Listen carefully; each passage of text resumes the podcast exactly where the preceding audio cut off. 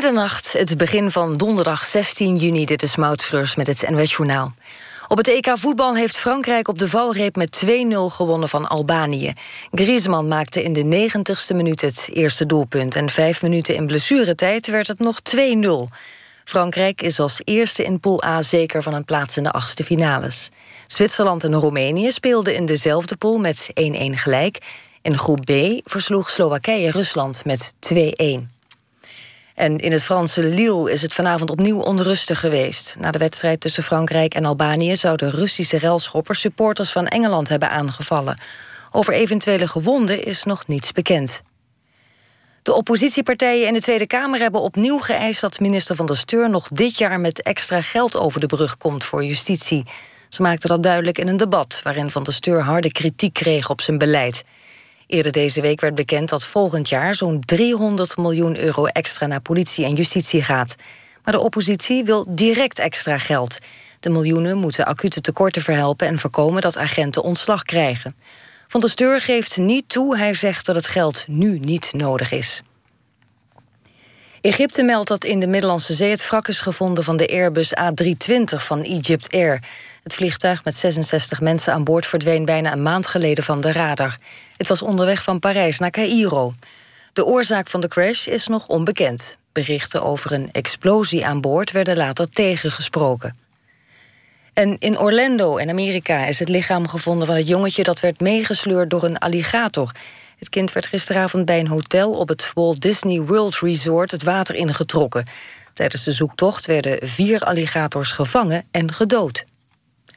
Het weer vannacht opklaringen. Het koelt af naar zo'n 10 graden. Morgen eerst nog droog met af en toe wat zon. In de loop van de dag opnieuw buien bij maxima van zo'n 21 graden. En tot zover het NOS-journaal. Dan nog de ANWB Verkeersinformatie. Eén file die staat op de A2 Amsterdam richting Utrecht... tussen knooppunt Amstel en knooppunt Holendrecht. 3 kilometer. En tot zover de ANWB Verkeersinformatie. NPO Radio 1. VPRO. Slapen.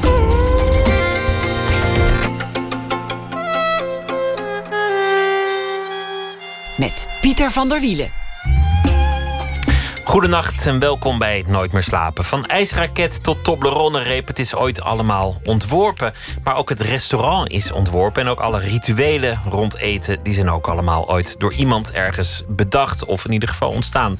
Marije Vogelzang is eetontwerper, food designer. En een van haar ontwerpen was bijvoorbeeld ooit de pasta sauna. Ze geeft een presentatie in Amsterdam tijdens een design talkshow. En komt straks vertellen na ene over haar beroep. Gerard van Emmerik die schrijft deze week elke dag een verhaal voor ons. Een beschouwing bij de voorbije dag. En dat zal hij voordragen na ene. We beginnen met Job Ubbens. Sinds 1987 werkte hij bij Veilinghuis Christie's in Amsterdam. Hij was daar veilingmeester en directeur. Maar het is voorbij, die mooie tijd. Hij gaat er weg, maar er ligt ook een mooie tijd voor hem. Hij gaat aan de slag als zelfstandige in de kunstwereld. We gaan het toch maar ook hebben over die wereld die hij achterlaat. De veilingrecords die sneuvelden als kleiduiven. De prijzen werden astronomischer dan ooit gedacht. En zelfs de crisis wist daar geen verandering in te brengen. En er waren er ook nog spannende dossiers. De goudstickercollectie bijvoorbeeld.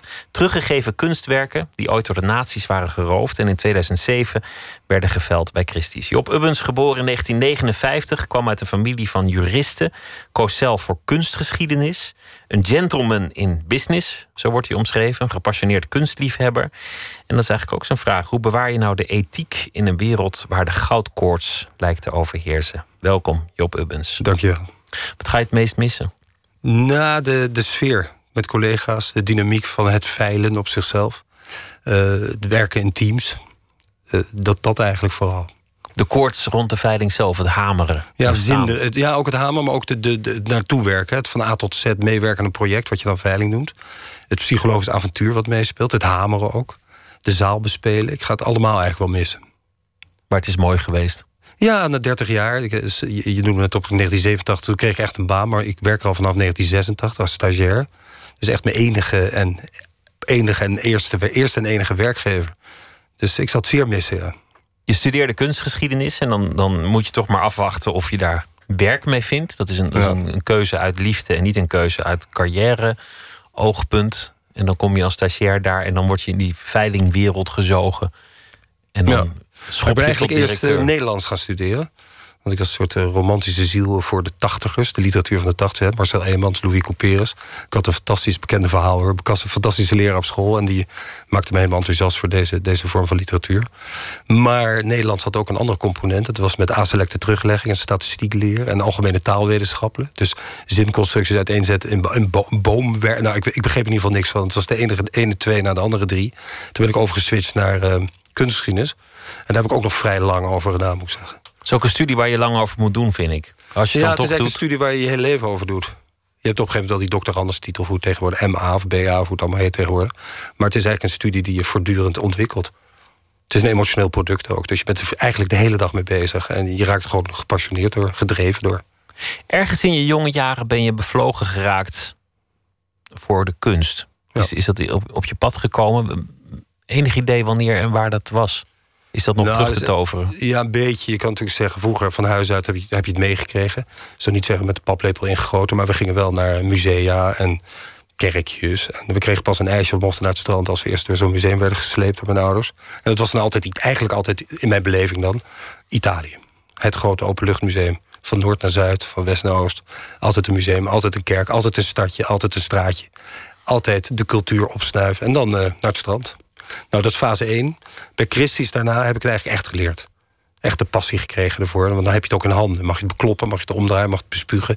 Alles houden wij vast. Hè? Dat is fantastisch ook. En dan luistert het ook nou wat, wat, wat je erover zegt wat het waard is, of het, of het zo'n mooi doek is, of het een bijzonder doek is. Ja, bij, als je bij Christies werkt, dan het eerste wat je leert is het onderscheiden van echt en vals. Daar begint het mee. Je, hebt natuurlijk, je krijgt heel veel aangeboden.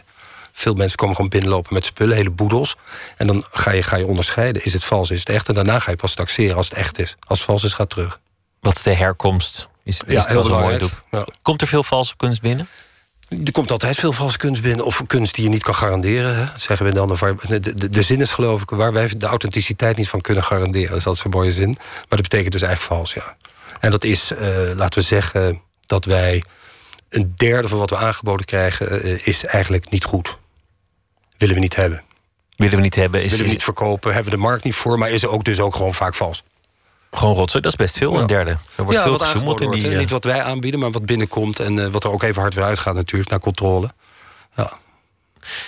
Waar begint een veiling? Want, want je zegt het is een heel proces. Dat noemen wij dan een veiling. Ga je zelf op jacht naar kunstwerken? Kom je op, op oude rommelzolders, opa's overleden en die had nog wat?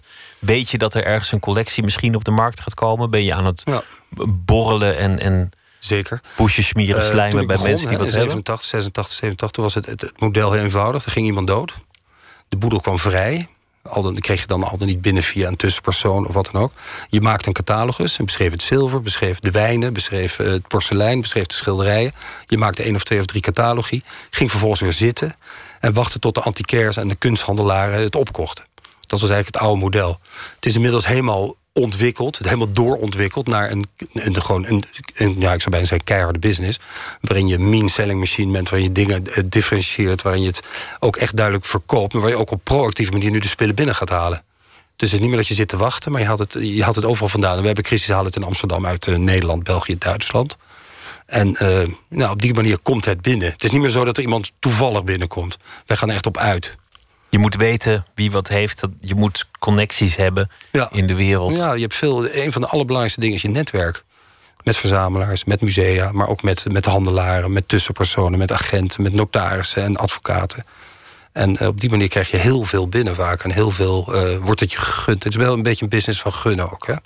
Zijn er nog pareltjes? De verhalen uit de jaren 60, 70 zijn natuurlijk prachtig. Van, van, van, mensen die een, een gat hadden in het plafond en dachten: nou ja, daar stop ik wat in. Die pakken een blaadje en dat blijkt dan later een ets van Rembrandt te zijn of een, of een tekening van Breugel. En die ging dan zo als een propje op dat dak in. Maar ik denk dat tegenwoordig iedereen wel de waarde van kunst inziet. En iedereen ook weet wat het waard is. En enkel politicus daar gelaten.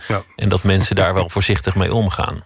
Ja en nee. Uh, het komt minder voor, maar het komt nog steeds voor. Wat wij nog steeds ontdekken uh, op zolders en in kelders. Of uh, toen ik net bij Christus wat het mooiste verhaal was... dat we twee Bart van der Lex, hè, dus echt die vriend van Mondriaan... uit de stijlperiode, 1917, 1921... ontdekten we echt als afdichting voor, voor lekkage... In een, gewoon in een huis in Den Haag. Als, we kwamen als een soort routineclus, verzekeringstaxatie. Even op zolder kijken. Leuk bankje, leuk stoeltje. Maar oh, hé, wat is dat? Stof eraf vegen. En twee van de Lex, die doen samen een miljoen gulden toen, weliswaar. Maar dat soort fondsen doen wel. We vinden eigenlijk nooit een Rembrandt. Dat is allemaal redelijk goed gedocumenteerd. Al komt het wel eens voor, zoals je weet. Maar uh, wij, ik, ik heb dat nog nooit gevonden. Maar alles een beetje in die periferie. Dus van Van der Lek en Mondriaan en, en uh, wat kleinere meesters. Uh, wat 19e-eeuwse schilderijen. Die, die zijn nog steeds te vinden. En het is gewoon schatgave wat wij doen. Hè? Dat is mooi van het werk. Je zou zeggen dat na zoveel jaren goudkorts in de kunstmarkt... alles wel tevoorschijn is gekomen. Ja, maar ze, weten niet eens... in de 17e eeuw wordt er gezegd... er zijn 10 miljoen schilderijen gemaakt. Uh, die zijn allemaal nog niet gevonden. Ze zijn niet allemaal voor Rembrandt... maar er zijn wel heel veel schilders geweest... in de Nederlandse Gouden Eeuw. Dus Nederland is ook echt een schilderijland. In de 19e eeuw Nederland is ook heel veel geschilderd. En er komt altijd wel iets uit een, uit een erfenis... waarvan wij het alleen in de literatuur... Nou, ik heb trouwens een mooi voorbeeld. Eh, we doen taxatiedagen in de landen. In dit geval was een taxatiedag in het museum in Enkhuizen. Dus dan maak je, doe je een advertentie in de krant... komen mensen gewoon spontaan langs. En kwam een mevrouw met een heel mooi schilderijtje. Dat was een Jacob Maris, Haagse school. Nederlands impressionisme. En dat stelde voor... Um, hij had het geschilderd, stelde voor zijn vriend Kamerer... dat is een, een andere schilder, die schilderde aan de bos van Oosterbeek... op een boomstal met een veldezel, zit hij daar te schetsen. En dat schilderijtje is een soort missing link binnen de kunstgeschiedenis. We weten opeens dat ze aan plein air schilderen. We weten opeens dat ze samen hebben gewerkt. We weten dat ze in 1861 in Oosterbeek hebben gezeten, et cetera, et cetera. En dat schilderij was wel bekend in de literatuur. Alleen niemand wist meer waar het was. Nou, dat soort fondsen zijn voor ons de pareltjes. En het doet maar 15.000 euro. En het wordt gekocht door het Dordrechts Museum. Mag ik hier wel vertellen. En dat zijn voor ons de pareltjes. Dus dat, dat, daar gaat het ook om. Het gaat niet alleen om dat, dat keiharde commerciële geweld... maar het gaat ook om de, de kunsthistorische vondst. En de schoonheid en de, de bijzonderheid. Ja, het connoisseurschap en het, het weten te vinden... en het geluk wat je erbij hebt. En het, uh, en het zoeken. En het, uh, en het, ja, ik, ik vind het, dat is heel fascinerend ook voor mij. Fascinerend deel van mijn vak. Want je zou zeggen, een veilinghuis verdient 15% opgeld op alles wat ze verkopen. In, in sommige gevallen 30%. Hangt een beetje af van het Ja, maar in principe is het wel uh, zeg maar uh, gemiddeld 25%. Er komt nog BTW bij, dan zit je al snel bijna 30%.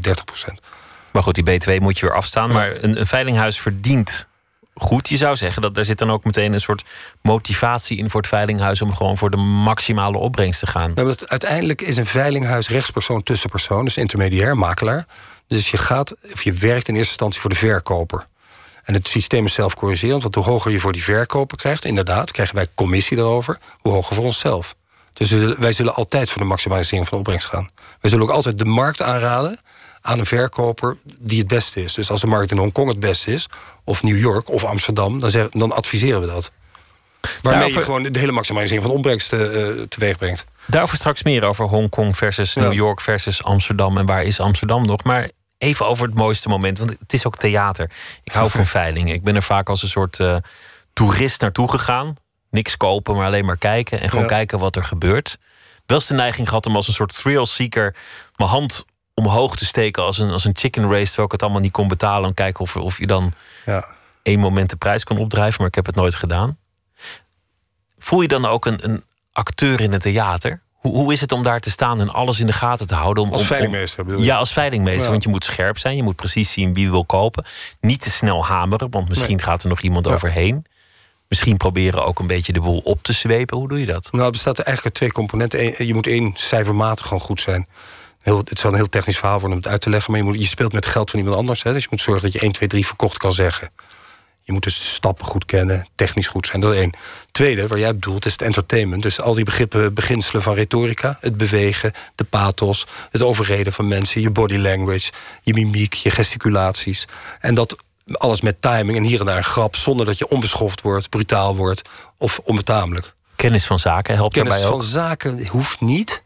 Uh, ik heb zelf zelf bijvoorbeeld Delft aardewerk geveld. Daar weet ik echt heel weinig van. Of juwelen weet ik nog minder van. Diamanten.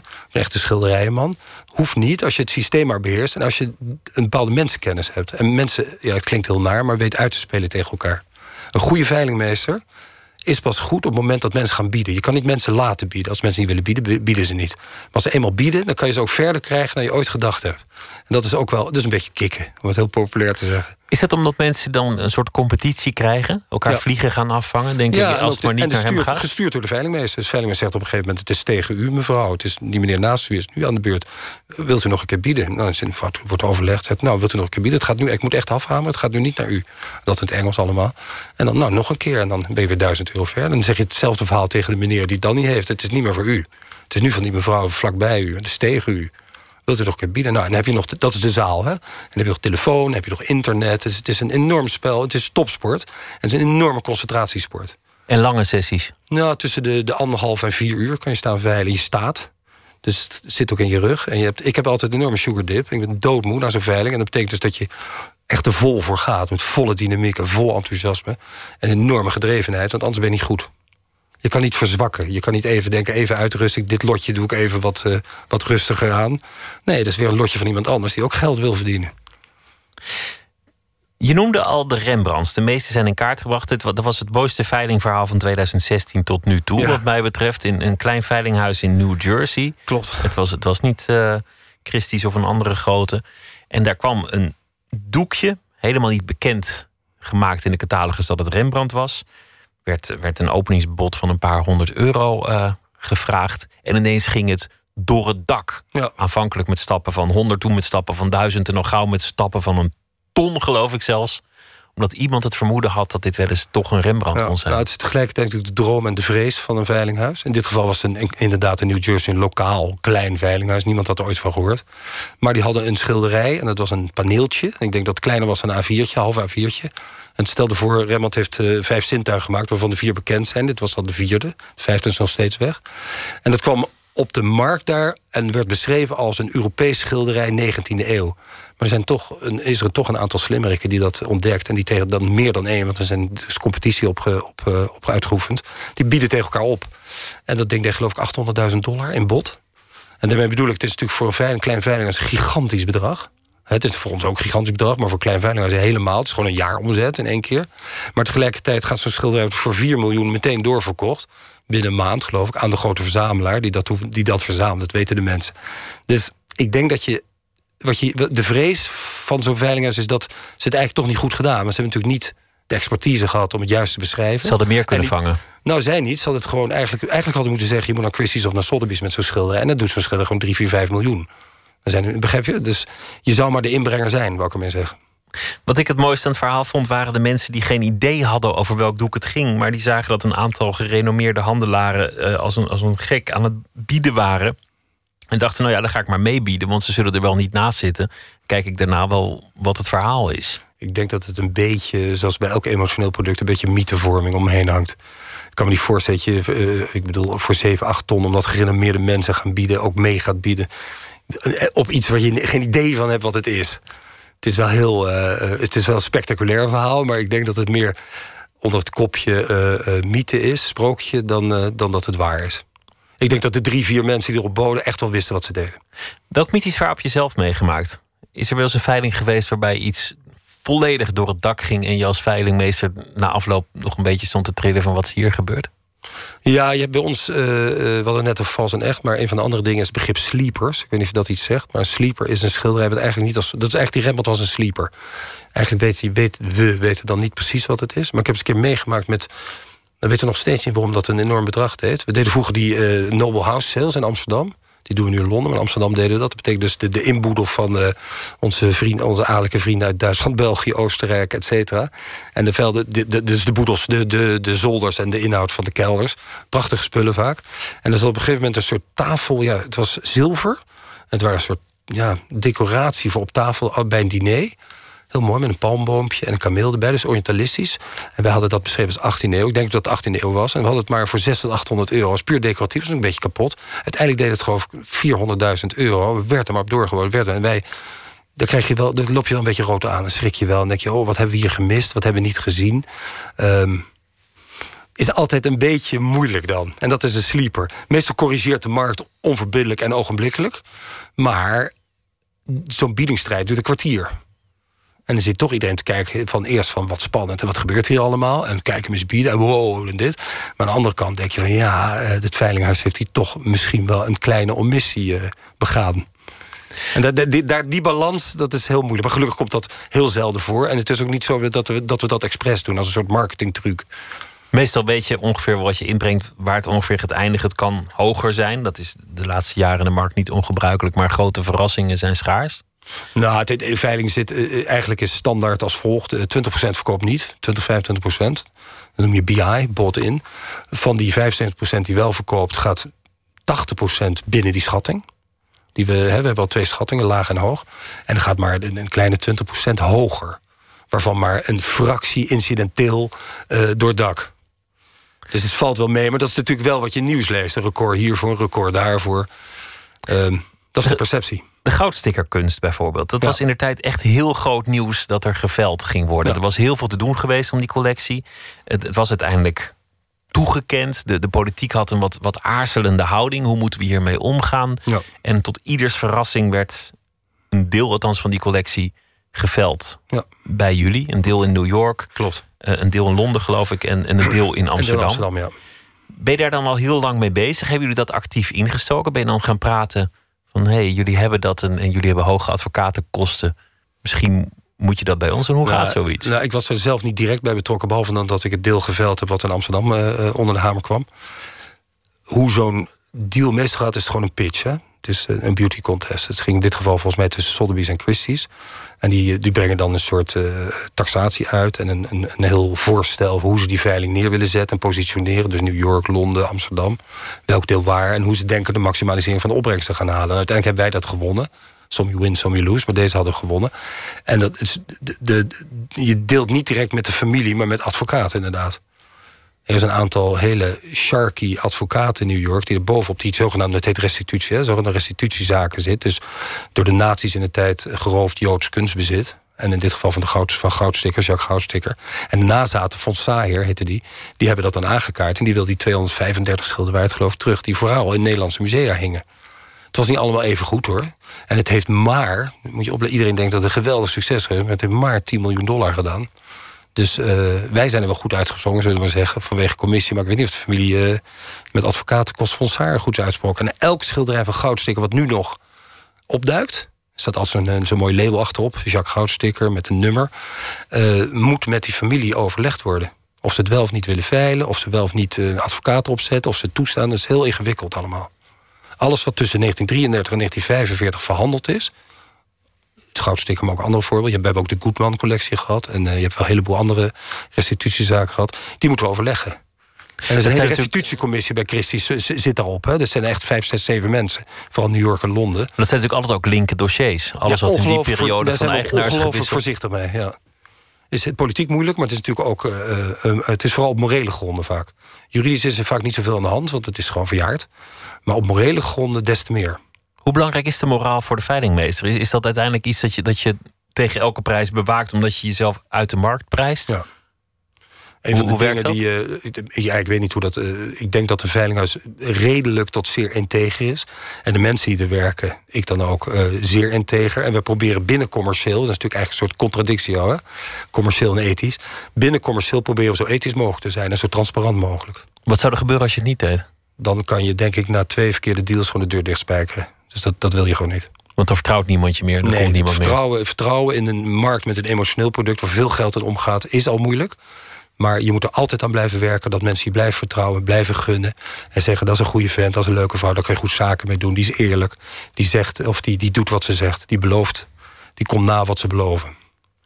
Straks gaan we het hebben over de, de stinkend stinkend rijken en ook over wat nou eigenlijk bepaalt of iets mooi en waardevol is. Maar we gaan eerst luisteren naar uh, Gregory Porter, die een nieuw album heeft en ook weer komt optreden. Het nummer heet Don't Lose Your Steam. Sitting on the top of the roof, the bridge is on mine. Steam engines roll by, the bridges fall down, and so do my dreams. Oh, you hear me calling your name. The bridge is your time, your engine rolls hot. If the bridges fall down, Don't lose your head of steam. Young man, I'm counting on you. And whoa, young man, I'm counting on you. Boy, I didn't make it too far, but baby, you are the family star I'll tighten your seams. Don't lose your head of dreams. The bridge is your time. Your engine rolls hot. If the bridges fall down, don't lose your head of steam. Young man, I'm counting on you. And whoa, young man, I'm counting on you to get me to the other side. Hey, hey, hey.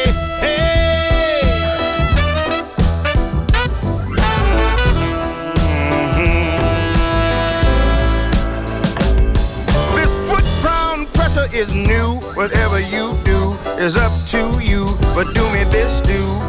Don't lose your head of dreams. Young man, I'm counting on you. And whoa, young man, I'm counting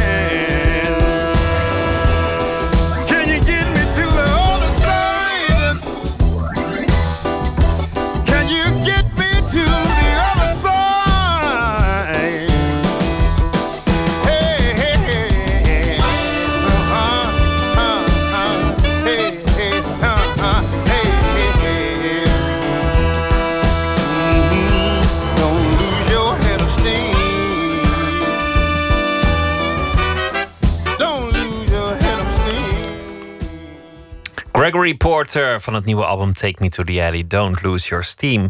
Nooit meer slapen in gesprek met Job Ubbens. Hij is eh, scheidend directeur van Christie's in Amsterdam en eh, veilingmeester. We hebben het gehad over het beroep van veilingmeester en hoe komt zo'n veiling tot stand. Hou je ogen en oren open, zorg dat je weet wat er boven de markt hangt en op het moment zelf wees alert en elke lot moet passeren. Want het is iemands bijzondere lot dat daar geveld wordt. Misschien wel het eh, familiekapitaal proberen het maximale eruit te halen. Ja. Die andere kant, want er is iets vreemds aan de hand in die kunstwereld. In 1987, to- toen jij echt een baan kreeg bij Christie's, toen waren er records voor Van Gogh. En toen, toen vielen de monden open van verbazing over wat voor bedragen daar ineens in omgingen. Dat is alleen maar erger geworden. Er is een enorme crisis geweest. En nog steeds zijn die prijzen aan het stijgen en aan het stijgen. En het lijkt eigenlijk niet echt tot rust te komen. Hoe kan dat?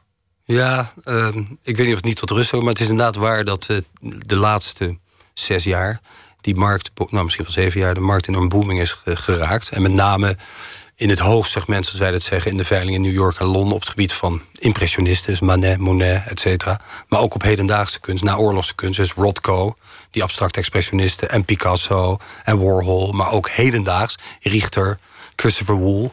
En er worden echt kapitalen en astronomische bedragen voor afgetikt. En eh, dat is alleen een markt die. Dat is maar één kant van de markt, laat ik het zo zeggen. Dat is de markt die misschien 4, 5, 600 miljoen dollar doet voor maar 70 schilderijen. Is gigantisch natuurlijk. Maar de markt is veel gelaagder. Het is ook een markt gewoon in Amsterdam en een markt in Parijs. En een markt voor eh, eh, snuifdozen. En een markt voor Indische, Indonesische schilderijen. En een markt voor. eh, voor- het is een markt voor alles. Een markt voor prentjes, een markt voor zilverwerk, een, een- markt voor lokale kunstenaars. En Amsterdam doet eigenlijk ook niet echt mee in die hele hoge markt. De- Behalve dan dat wij bijvoorbeeld bij Christus behoorlijk veel export doen. Dus, dus dingen die we hier binnenhalen in Nederland en België, een beetje Duitsland.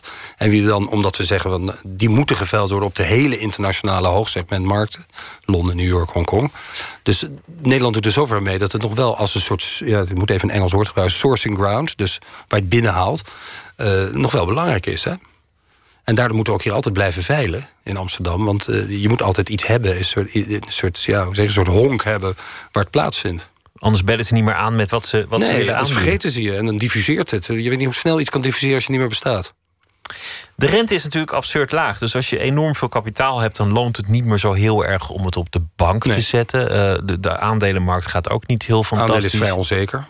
Dus in die zin is kunst misschien ook wel een logische uitvalsbasis voor kapitaal op dit moment. Ja, en dat is wat je nu precies krijgt. Om twee deel van je vraag even te antwoorden... is dat je nu toch wel een stabilisering krijgt... richting kunstenaars met een track record. Er wordt niet meer zo gespeculeerd, er wordt niet meer gespeculeerd, er wordt niet meer zoveel risico genomen. Eh, mensen gaan naar de namen, zeg maar even zeggen, maar ook weer gelaagd. In Nederland is dat Breitner, Isaac Israëls, Basic Koekoek, goede oude meester, mooie moderne kunst, Jan Sluiters, Gestel, eh, vul maar in. Het is ook internationaal, het is ook hybride, dat speelt allemaal mee. En er is ook nu een markt aan het komen, een soort derde wet van Newton, hè? De, de acties-reactiewet. Dus er ontstaat naast dat commerciële geweld in dat hoogsegment... ontstaat er natuurlijk in de middenmarkt heel veel eh, markten voor, voor papierwerk, connoisseurschap, tekeningen, eh, prenten, eh, eh, fijne eh, vakinhoudelijke eh, werken, kunstgeschiedenis. En dat is precies waarom ik dat wil gaan doen. Ik wil gewoon weer terug naar het vak. Als Terug adviseur. Als, Als, adviseur of als, als bemiddelaar of, als, eh, als, eh, of, of erover publiceren of presentaties over geven. Maar die markt is dus heel intrigerend, want die markt is niet één markt. Er zijn, ik kan wel veertig markten opnoemen, bij wijze van spreken, die het eigenlijk allemaal goed doen. De markt van de superrijken, de markt van de connoisseurs, de markt van de musea, de, de, de markt van de Ja, maar ook speculanten. de markt van 3000 tot 50.000 euro. Of de markt van eh, eh, collecties eh, oude, oude tekeningen. Of de markt van moderne grafiek. Of de markt van Jan Sluiters. Laten we het eens even hebben- hebben over de psychologie van de superrijken. Want dat, dat vind ik interessant. Je zou zeggen, je wil gewoon laten zien dat je een man van goede smaak bent. Misschien hou je ook wel heel erg van kunst. En dan koop je een Van Gogh. Nou, de Van Goghs die zijn op, die worden niet meer zoveel Nee, te koop aangeboden. Die zijn er nog af en toe. Maar, ja. Maar dan koop je een mooie oude meester, een, eh, een, een, eh, een Breitner. Of je koopt een wat gevestigde naam. Maar dan is er ook nog het element, en dat, dat is ooit door eh, Tom Wolfe zo prachtig omschreven. Ja. Die noemde dat volgens mij de pirate pose. Dat je ook wil laten zien dat je, dat je voor de hoede uitloopt. Dat, dat je een echte kenner bent. En dat bewijs je natuurlijk niet door een Rembrandt te kopen, want iedereen weet dat Rembrandt Ja. mooi is. Dus je moet een spannender keuze maken. Je moet iets kopen dat veel geld waard is, maar dat, dat ook een zeker gevaar in zich draagt. Dat misschien zelfs langs de randen van de geaccepteerde smaak balanceert. Je hebt Hoe natuurlijk werkt twee. dat? Nou, ik weet niet precies hoe het werkt, maar je hebt er wel twee voorbeelden van. Je hebt natuurlijk Saatchi.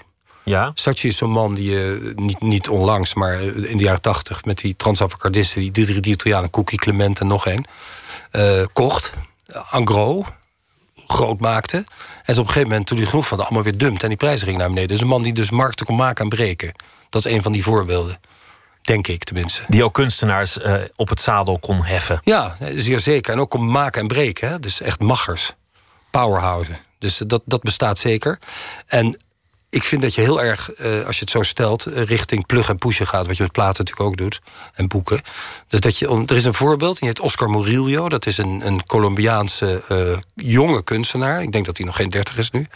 Misschien net 30. En die heeft in Parijs gewerkt. En is op een gegeven moment door iemand gekocht. En heeft al zijn vriend. Ik zeg het even heel simpel, hè, maar die heeft al zijn vriendjes gezegd: moet je ook kopen.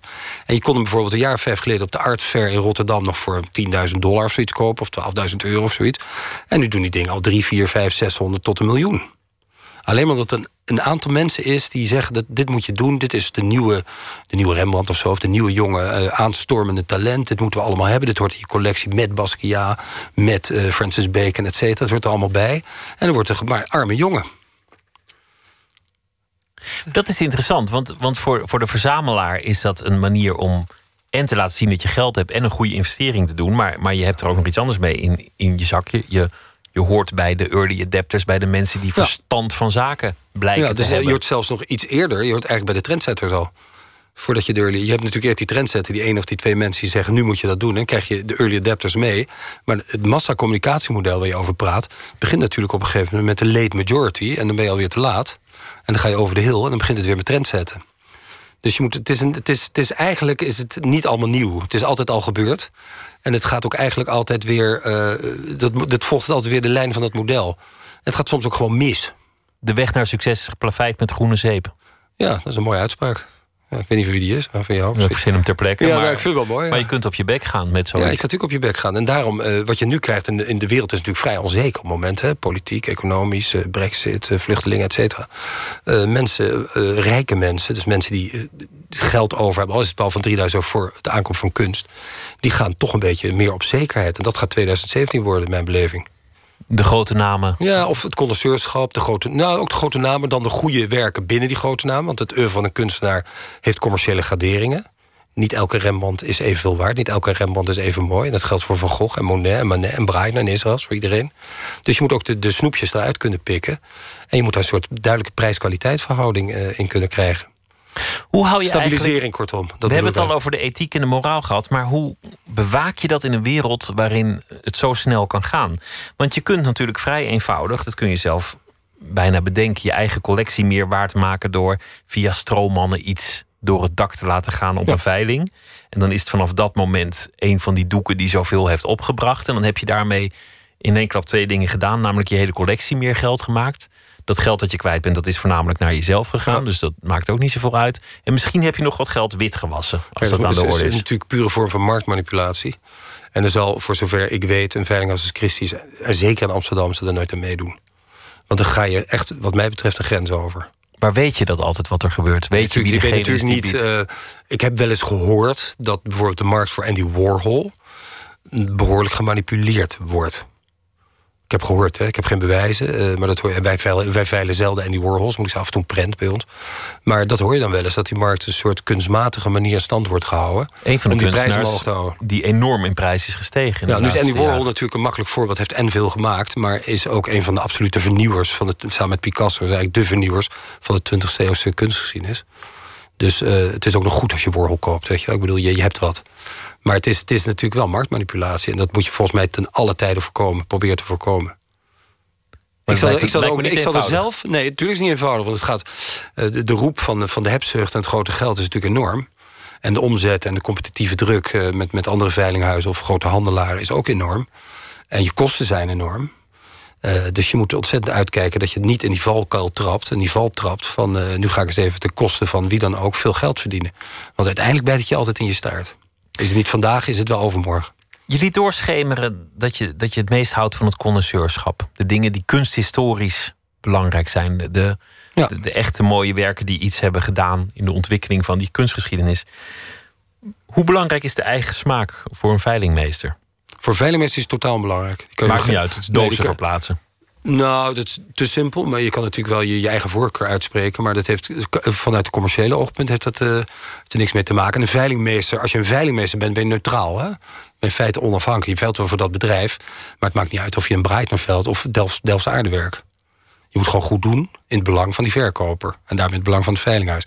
Maar je smaak doet er helemaal niet toe. Maar dat betekent Ik wil best wel eens dingen die ik spuug lelijk vind. Maar ik weet dat eh, de, de kunsthistoricus Gombrich zei over smaak van niet te twisten. Die is namelijk van hem. Eh, ja, eh, moet ik iemand tegenhouden die een, een zilver lepeltje heel mooi vindt... en daar emotie bij heeft en daar 10.000 euro voor neertelt? Moet ik zeggen, je bent gek? Tuurlijk niet. Maar het lijkt me zo interessant om, om, om met jouw ogen te kijken, omdat je dan op drie manieren naar kunst kijkt. Namelijk als veilingmeester, dit is goed voor de markt. Als kunsthistoricus, dit is historisch belangrijk, want invloedrijk geweest of wat dan ook. En als liefhebber. Ja. Of een vierde is een combinatie van die factoren. Dat bestaat ook. Dat bestaat heel soms, eh, zie je iets wat je denkt van... dit is zo mooi, dat zou ik zelf willen hebben, je eigen smaak. Maar het is ook nog als kunsthistorisch heel belangrijk... wat ik net vertelde van Jacob Maris die we gevonden hebben. En dan ook nog denkt van, nou, commercieel is ook nog interessant... want het is, eh, het is, het is en mooi geschilderd, het is een fantastische voorstelling... het ziet er goed uit, het, is, het heeft een fantastische herkomst... en het is heel lang niet op de markt geweest. Hè? Markt Fries, zeggen de Duitsers daarvoor, dus marktvers. Klinkt als tomaten, maar we hebben het over schilderij in dit geval. En die combinatie van factoren maken dat het commercieel ook nog interessant kan zijn. En die, die, dat is eigenlijk je vierde smaak alle drie tegelijkertijd. Dat komt zelden voor. Maar je commerciële smaak, als je werkt voor Christie, is natuurlijk het belangrijkst. Is dat ook deel van de afweging om iets anders te gaan doen? Los van dat 30 jaar een lange tijd is. Maar is, is dat misschien ook deel van de afweging om je bezig te houden met, met wat, wat je echt beweegt? Om, Ja. om echt als kunsthistoricus... Even voor de duidelijkheid, dat is niet een politiek correct antwoord hoor, maar die 30 jaar waren v- bijna helemaal fantastisch. Hè? Ja, Dus dat dat, is, ik. dat is dus niet te lang of zo. Dus ik had het best wel tien jaar kunnen uiten. Maar een van de dingen is dat ik. De reden is eigenlijk dat ik afdreef. Vond ik zelf door allerlei managementperikelen en, en strategie en beleid. En, eh, eh, personeel en dat soort dingen. Eh, van wat ik eigenlijk het liefste doe, dat is bezig zijn met een bepaalde periode. In mijn geval is dat 19 en 20 eeuwse schilderijen. Daar dreef te ver van af. En dat is eigenlijk de reden waarom ik die stap nu wil nemen. Plus het feit of ik wil kijken of ik wel zelfstandig kan ondernemen. In dat vak wat ik beheers en wat ik gewoon wil doen op een zeker ogenblik moet je een, een bedrijf runnen. En dan heb je zoveel dingen aan je hoofd dat het eigenlijk een vak een steeds kleiner aandeel van je, van je tijd. Ja, en ik wil eigenlijk. Eh, ik, ik heb ooit, voordat ik bij Christus begon, heb ik ooit de 19e schilderijafdeling uh, mogen leiden. En dan was je gewoon puur bezig met de kunst. 19e kunst in dit geval. Daarna heb ik Zuidoost-Aziatische schilderijen in, in Singapore, Jakarta gedaan. Dus Indonesisch, zeg maar, vooral. dan was je puur bezig met, met de kunst. Dan was je wel met mensen bezig en met verzamelaars. Maar dan ging het ook over de kunst. Want je bent eigenlijk everybody's hobby. En daar dreef ik een beetje te ver van af. En dat wil ik weer terug. Dat gevoel, die droom. Die, nou, dit gevoel wil ik weer helemaal terugkrijgen. Het zijn ook zware, zware jaren geweest, want er zijn keuzes gemaakt. Ja. Uh, het is een internationaal concern. We zeiden het al, de absolute top van de wereld, dat is gewoon New York. De, het, het, hoogste segment en misschien Londen. Ja, soms Hongkong, hangt een beetje vanaf wat het is. Ja. En uh, in Nederland gestopt met, met antiek uh, zilver, gestopt met wijn. Ja, klopt. Gestopt met nog een paar dingen. En ook echt gekozen voor een bepaalde hoek van dat segment. Een bepaald deel van, van die markt. Klopt. Hoe dat is uh, 2012 ingezet en 2013 uitgevoerd. hebben wij ehm, ja, de helft van het personeel moeten laten gaan. En de helft van de veilingen. Dus inderdaad, er werden geen uh, antiekveilingen meer. Dus decoratieve kunstveilingen, geen wijnveilingen, geen juwelenveilingen meer. was wel pijnlijk op dat moment. Was zeker pijnlijk voor de mensen, voor mij, voor het veilinghuis. En uh, is niet de reden dat ik, ben, dat ik nu wegga, want het is alweer drie jaar geleden. Maar het heeft wel laten inzien dat, dat ja, we staan af en toe een half jaar leeg. Wat vroeger een enorme dynamiek was en een reuring en, en 20, 30 veilingen zijn er nu maar 6 tot 8. Die het overigens heel goed doen, maar het zijn alleen nog maar schilderijen. Dat gezegd hebben, doen we nog wel export op die terreinen. We hebben nog wel mensen in dienst die decoratief doen en uh, juwelen. We hebben zelfs een wijnman in dienst. Dus uh, het, het, het, de mensen zijn nog wel een deel daarvan, van die experts, van die specialisten, maar de veilingen zijn niet meer. En dat is gewoon niet leuk. Het is niet meer de reuring van, van wel nee, in die En Sotheby's was al dicht, twee jaar daarvoor. Het Rijksmuseum was toen dicht. Het Van Gogh was toen dicht. Het Scheepvaartmuseum was toen dicht. Dus een zeer plezierig uh, artistiek klimaat. Maar niet heus. Dus, uh, en ik, ik ben wel blij dat wij gewoon... dat de continuïteit nu ik wegga ook gewaarborgd is voor Christus. ziet er gewoon zonnig uit. Financieel gezond. Er worden veilingen gedraaid. Het liep goed. Het afgelopen seizoen is goed gegaan. Dus wat dat betreft ben ik blij. Maar ik had liever gezien dat er natuurlijk twintig veilingen nog steeds waren. Kan ik me van alles bij voorstellen. We gaan luisteren naar een uh, 22-jarige zangeres uit Engeland. Haar naam is Frances. En ze werkt samen met de man die een hit schreef voor Adele met de titel Hello. En dit liedje is er vast en dat heet Don't Worry About Me. I'll feel the fear for you. I'll cry your tears for you. I'll do anything I can to make you comfortable. Even if I fall down when you're not around, don't worry about me. Don't worry about me. Cause if I fall, you'll fall. And if I rise, we'll rise together. When I smile, smile. And don't worry about me. Don't worry about me.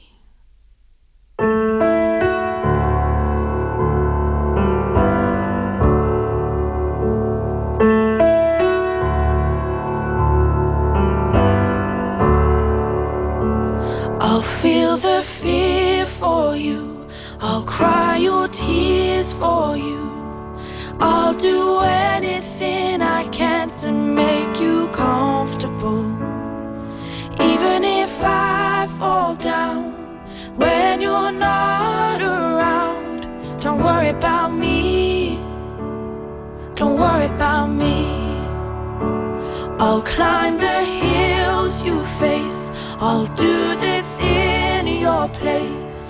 I'd do anything to go through it instead of you. But even if I fall down when you're not around, don't worry about me. Don't worry about me. Cause if I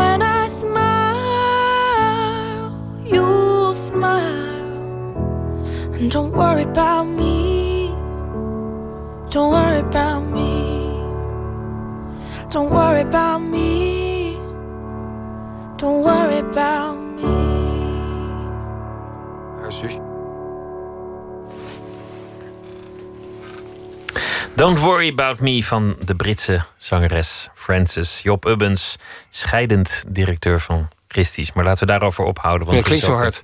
een- Ja. Het is ook een, ook een, ook een toekomst. We, we hebben het over veel dingen gehad en, en ook een beetje over het, over het eigen leven. Een, een familie van juristen waarin jij aanvankelijk Nederlands ging studeren en toen kunstgeschiedenis. En een liefde voor de kunst die opkwam tijdens vakanties naar Italië. Mm, ja. Eh, een, een beetje op het strand liggen, maar toch vooral die kerkjes in, de musea in en kijken naar de, die werken, de architectuur, Ja. alles wat, wat aan, de, aan de muur hing. Iets dat je ook eh, schijnt te hebben voortgezet in je eigen leven. Dat het toch voornamelijk steden zijn en, en voornamelijk cultuurvakanties. Niet iemand die eh, drie, drie weken gaat liggen bakken op het strand, Nee, als nee. het een keer van komt. Nee, nee liever, liever niet. Leven voor de kunst. Leven voor de kunst. En samen met mijn vrouw Katinka is ook kunsthistorica. We hebben samen ooit een prachtig boek geschreven over een Belgische kunstenaar die op Zuidoost-Azië reisde. Een soort monografie, een soort handboek. En zij is daarmee doorgegaan. Dus wij, wij leven, dromen, praten, eten kunst eigenlijk thuis. De hele dag. Arme kinderen van ons. Hangt het ja. eigen huis ook helemaal vol? Nee, want je bent natuurlijk gewoon budgetair beperkt. Dus gewoon Ja. in loondienst. Misschien dat nu veel beter gaat, wie zou het zeggen. Als, de, Maar, eh, als ZZP'er, ja. de eerste maar, jaren. eh, en, en we hebben natuurlijk een vrij eh, brede smaak. Dus bedoel, laat ik zo zeggen, op haar kamer... zij is vooral van de hedendaagse fotografie en hedendaagse kunst. Ik ben meer van de 19e eeuw. Dat hangt een beetje op mijn kamer. En wat we in de woonkamer hebben hangen... is een beetje wat we allebei mooi vinden. En het varieert inderdaad van een Papua-schild... tot grafiek van, van eh, Karel Visser... tot en met wat we mooi vinden en hebben gekocht... bij de Rijksacademie in Amsterdam. Het ademt ook een, een, een wereld, wat je vertelde, waar, waarin de moraal nog overeind staat. Eigenlijk de beschaving, een, een soort netheid die, die in, in, in al je vezels zit. En dat in een wereld die, die toch ook wel aan het veranderen is. Waarin het geld dominanter is, het resultaat steeds meer is gaan tellen. Ja. Ik voel ergens een, een 19e eeuwse romantiek van iemand die, Ja. die andere waarden belangrijker vindt. Ook, hè? Ik bedoel, probeer wel gewoon mee. Ik heb gewoon kinderen, dus probeer meegaan met het hedendaags eh, tijdsbeeld. Dus eh, van Instagram en, eh, en al die dingen. Aan de andere kant vind ik dat er ook nog soort iets als innerlijke beschaving moet zijn. En loyaliteit en dat soort begrippen. En dat, je, dat als je dat dan verbindt met kunst, dan kom je al snel inderdaad op eh 18e en 19e eeuw uit, zullen maar zeggen. Maar ik bedoel het niet als iets archaïs, maar het is natuurlijk wel een, een waarde die in heel veel sectoren een beetje uit het oog wordt verloren. Dat, dat resultaat telt, dat mensen misschien dollartekens in de ogen hebben en misschien andere dingen verliezen. Van, nou ja, laten we, Ja, laten aan we de de andere kant- vertragen. Eh, We we hadden net over die derde wet van Newton, hè, die actie is reactie. Wat je natuurlijk ook krijgt, is dat, er- dat er tegen dat, dat rendement, die rendementsgedachte... en tegen dat de resultaatgedachte... en dat iedereen maar om geld geldt... en nog maar niet de fun of having it, maar of getting it, of andersom. Weet je, dat, dat, dat, daar, krijgt, daar komt toch een reactie op. En die reactie is toch dat mensen zich meer in hun schulp kruipen... of meer met hun familie en buren. eh, dat cocoonen, dat lokale, dat regionale... Dat, krijg je, dat zie je ook heel duidelijk, hè, ook in de kunstmarkt. Je ziet heel duidelijk een, een trend ontstaan buiten het globale, wat het altijd is, in het internationale, in het grote. Zie je ook dat kleinere. En deels wil ik daar best op inspelen straks. Ik vind het wel mooi ook. Maar het is ook wat je vertelt, je moet mensen kennen.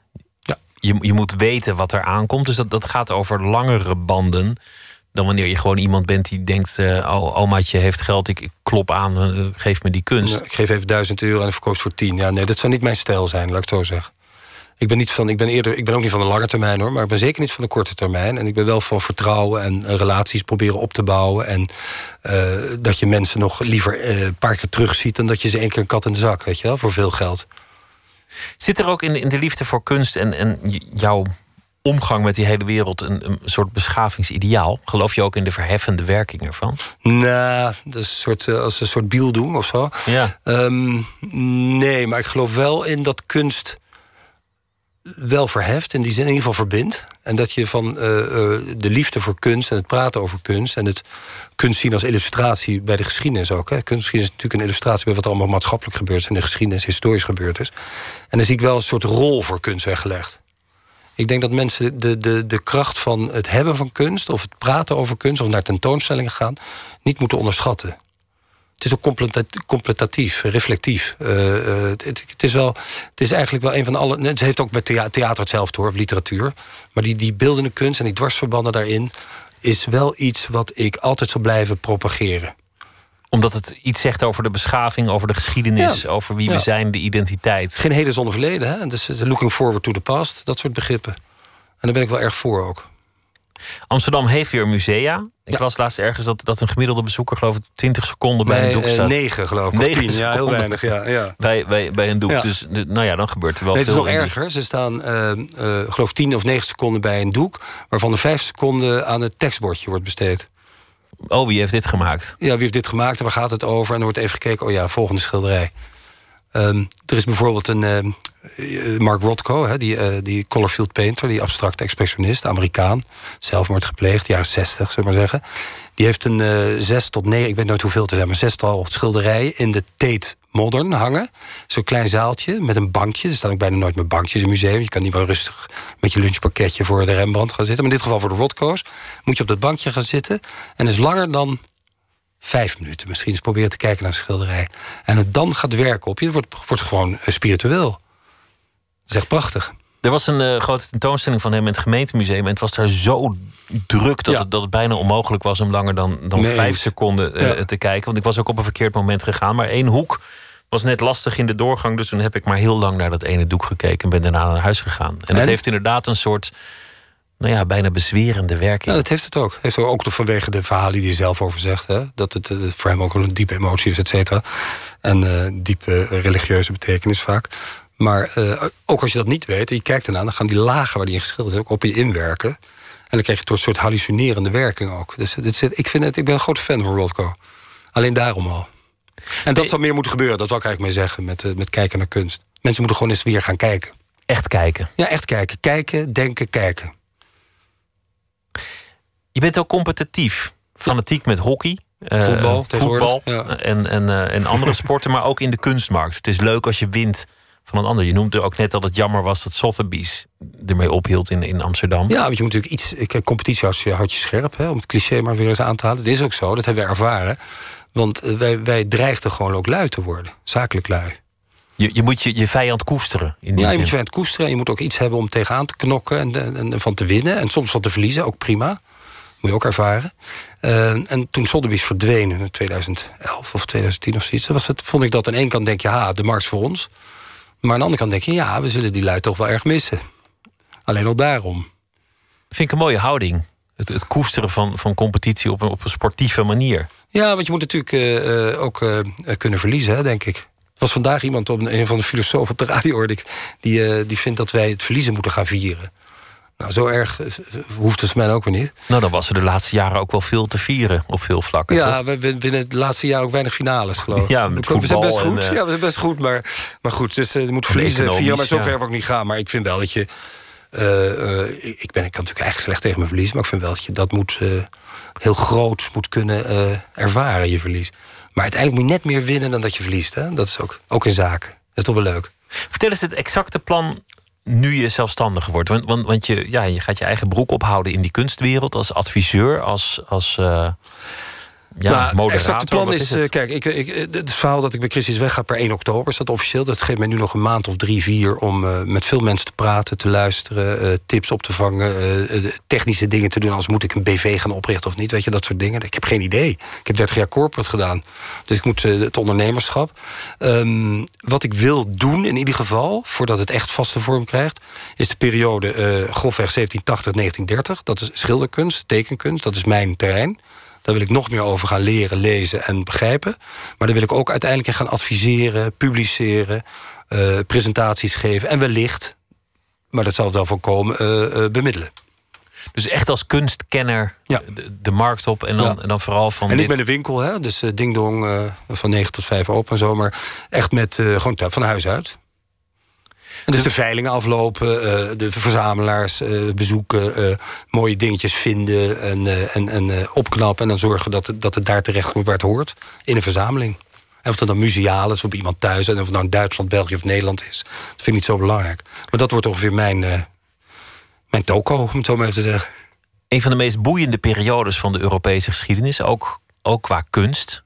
die, die, die, die je noemt. Dat, dat is ja, eigenlijk de, de, de grote tijd dat er nog een gemeenschappelijke beleving van de kunstgeschiedenis was. Nu, nu Ja. lijkt het veel versnipperder.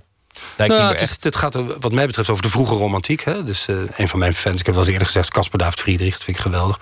En alles, want die, die mannen hebben zulke mooie eh, schetsjes gemaakt alleen al.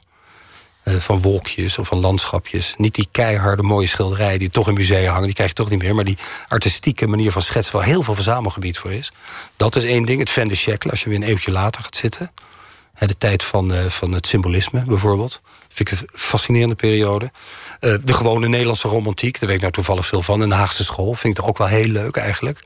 En, zo, en de Grand Tour en het Orientalisme en Indonesische schilderkunst is zoveel in die tijd. Stromingen volgden elkaar allemaal op. Het realisme, het impressionisme. Uiteindelijk naar dat hele avant-garde modernisme. Hè. 1910, 1911, 1912. In Nederland, in Amerika, in Duitsland, in Frankrijk vooral. Ja, ik bedoel, het is een merk waar. Ik, kan, ik, kan, ik weet niet, eigenlijk niet waar ik moet beginnen. Dus daar moet ik eens even drie, vier maanden over nadenken. Hoe ik dat een beetje ga stroomlijnen. Zonder het brede scala uit het oog te verliezen. Maar echt weer de kunst in. Echt, echt waar het om, om begonnen is.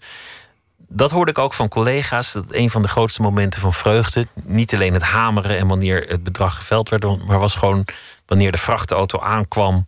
Wat het ook was. Dan stond de directeur op de stoep en pakte die dozen uit. En, Ja. en wreef in zijn handen. En was echt gefascineerd door wat er dan weer uit dat folie kwam. Ja, wat, wat, wat de, de, de specialisten, mijn collega's, allemaal hadden binnengehaald. En, eh, en dan zie je het in concreto, hè? dan heb je het in je handen.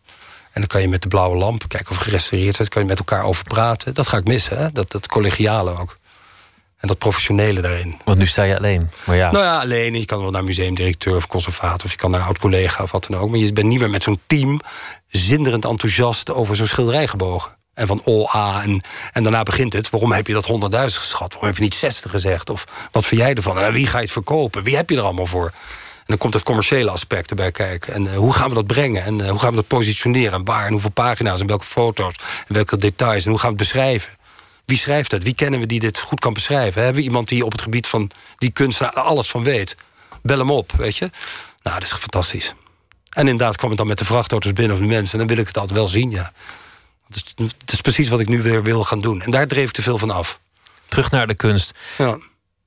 Uiteindelijk zou je kunnen zeggen, tot nu toe, het, het leven van Job, van Job Ubbens tot nu toe was, was leven voor de kunst. Ja. Zoals de, de Dat, gaat niet, dat gaat niet veranderen. Visie d'arte, visie d'amore. Iemand die Ja. gewoon zijn leven in teken heeft gesteld van de schoonheid en het najagen daarvan. Ja, ik geloof dat er ergens een keer stond dat ik een kunstevangelist ben. Dat klinkt heel eh, christelijk. Maar Ja. dat, dat drukt misschien wel goed uit. Ik wil eigenlijk wel altijd over praten, en over denken en ermee bezig zijn. Ik wens je heel veel succes. Ik wens je ook heel veel plezier Dankjewel. eh, in, in, in het nieuwe bestaan. En dank dat je te gast wilde zijn om te vertellen over eh, de voorbije roerige tijd als veilingmeester en directeur. Met groot plezier. Dankjewel. Job Ubbens. We gaan zo meteen praten over het vak van eetontwerper, food designer en, en andere dingen. Marije Vogelzang komt op bezoek en dat is haar beroep. Alles wat met ontwerpen en eten te maken heeft. Gerard van Emmerik die zal een verhaal schrijven bij De Voorbije Dag. Dat doet hij deze week elke dag en dat draagt hij zo meteen voor. Twitter, het VPRO NMS. We zitten ook op Facebook en u kunt zich abonneren op de podcast via iTunes of via de website van de VPRO.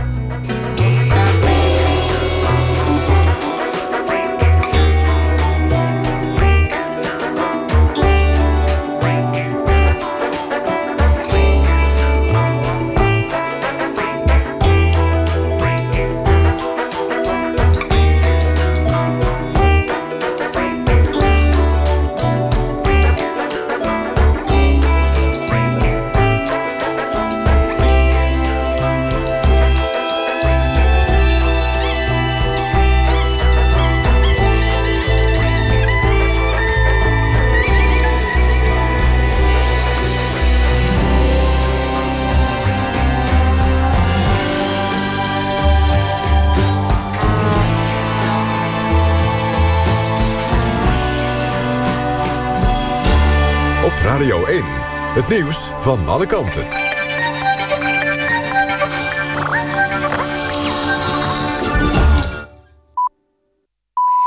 Het is 1 uur, dit is Maud Schreurs met het NOS Journaal. In het Franse Lille is het afgelopen avond opnieuw onrustig geweest. Russische relschoppers vielen supporters van Engeland aan. De politie heeft zeker 30 relschoppers opgepakt en er zijn meerdere gewonden. In Lille zijn veel Engelsen. Het land speelt morgen in het naburige Lens tegen Wales. En de rellen braken uit na de wedstrijd tussen Frankrijk en Albanië. Die werd gespeeld in Marseille. De Fransen wonnen het duel op de valreep. Griezmann maakte in de negentigste minuut het eerste doelpunt. Vijf minuten in blessuretijd werd het nog 2-0. Frankrijk is als eerste in Pool A zeker van een plaats in de achtste finales. In de Venezolaanse kuststad Cumana zijn meer dan 400 plunderaars gearresteerd.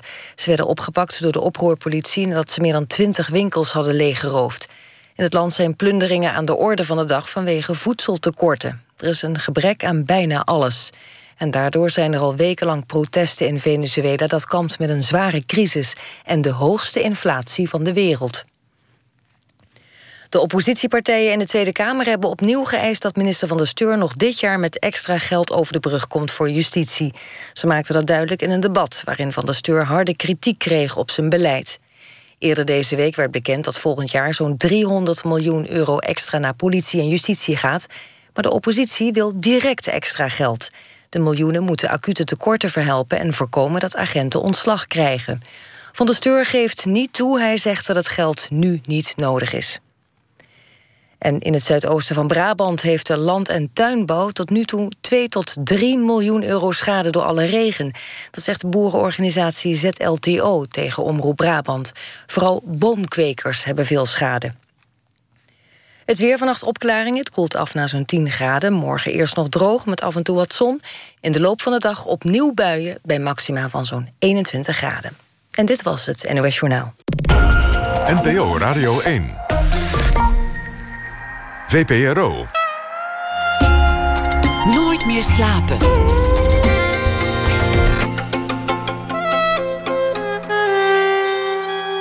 Met Pieter van der Wielen. Gerard van Emmerik is schrijver, debuteerde in 1993 met een verhalenbundel. De titel was Iets Scherps. Een priem. Hij heeft een nieuw uh, boek, De Nieuwe Krats. Een roman over een stel dat een pleegkind in huis neemt. En deze week zal hij elke nacht een verhaal voordragen bij de voorbije dag. Gerard, goeienacht. Ha, Pieter.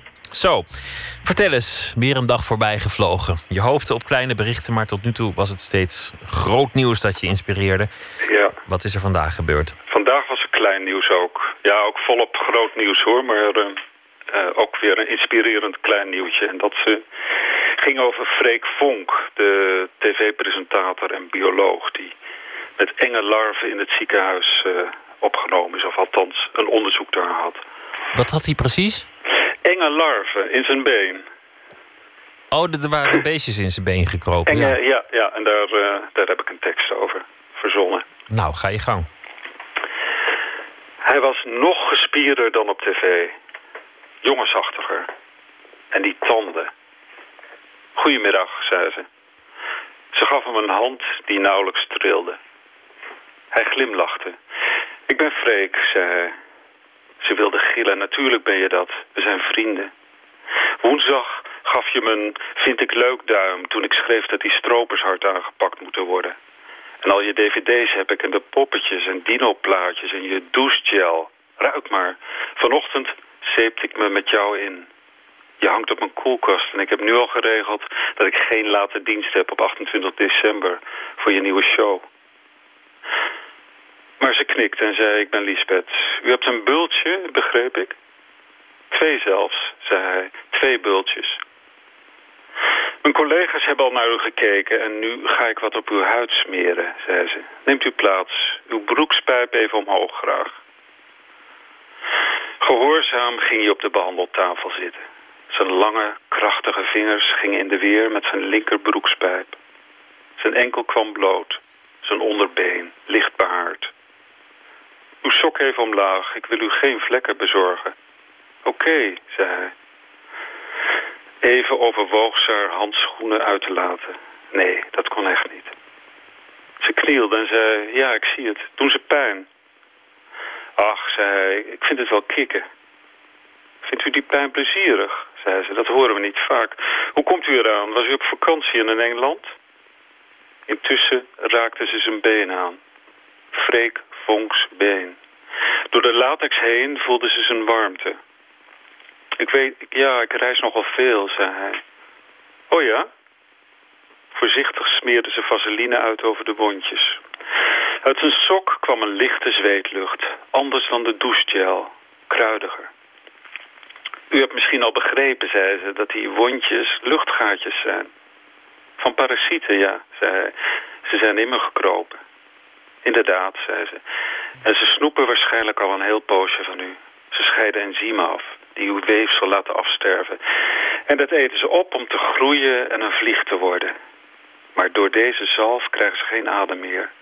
Binnen 24 uur komen die kleine rotzakken tevoorschijn. Gaaf zeg, zei hij. Hij rolde zijn broekspijp weer af en sprong van de behandeltafel. Ja, zei ze, heel gaaf.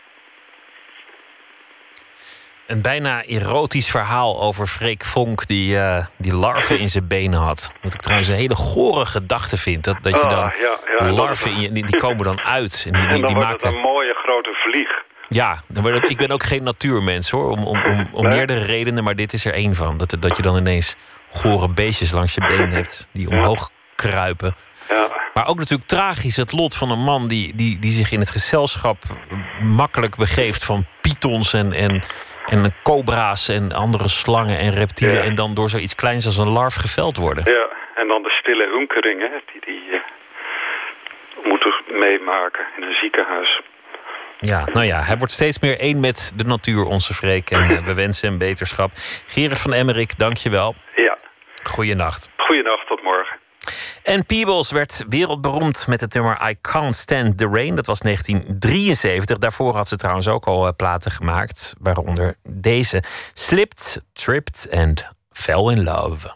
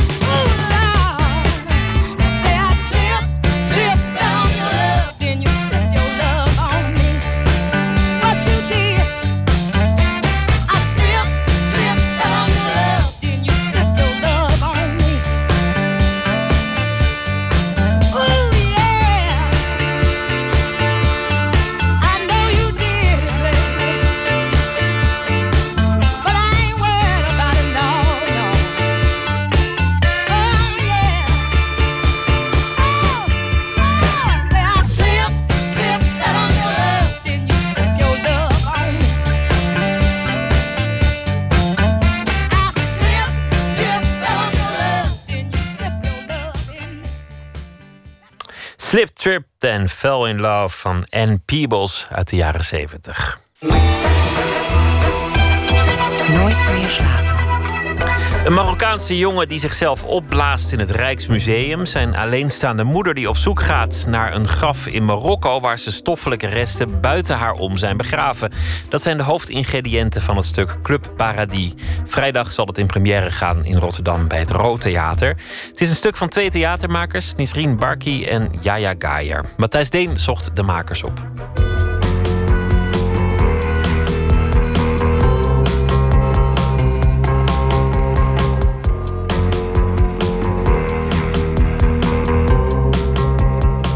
Ik weet niet hoe het u vergaat, maar mij bevangt bij het zien van nieuws over aanslagen, haat en dood een verlangen naar de menselijke maat. Ook een zelfmoordterrorist heeft een moeder en een vader. Wat is daar in godsnaam gebeurd? En dat zal wel komen omdat ik in harmonie met de omgeving en geloof in de mens ben opgegroeid. En omdat ik heb ervaren dat je ruzies het best oplost als je je kwaadheid de tijd geeft uit te woeden en als je begrijpt wat er aan de hand is. Waardoor het kwam dat het misging, ze je hart weer luchten en ook weer luisteren. Gewoon de moraal van het rijtjeshuis in tijd van vrede. Zo'n stille wijk, weet wel, waar alleen nu en dan een deur knalt of een bord op de keukenvloer. Waar je elkaar van haver tot god kent en niets menselijks vreemd is. Nesrine Barkin Yagia Kair maakte een toneelstuk waarin een moeder op zoek naar de resten van haar zelf opgeblazen zoon haar hart lucht. En daarmee een inkijkje geeft in hoe het zover gekomen is. Het is zelfonderzoek. Nesrine die de tekst schreef en Yagia die regisseerde zoeken de wortels van de onverwerkte wanhoop. Ze beginnen bij taboes van thuis. Taboes over de wereld buiten, die zo onbespreekbaar anders is. En de wereld binnen, die vol is met verboden. En dat is een wereld vol taboes en schaamte en ja, bijna een soort duistere wereld. Terwijl het ook een hele mooie wereld is. Die vrouw is vol pijn. Pijn van haar geschiedenis, pijn van het mislukken van haar zoon, pijn van de keuzes die haar zoon heeft gemaakt om zich te laten ontploffen. En, en ja, dat spreekt ze uit. Dat is eigenlijk het enige dat we doen. Het laten uitspreken. Openlijk. Want het is heel erg een, een, een cultuur van alles mag. Echt alles mag. Zolang het maar niet openlijk gezegd wordt.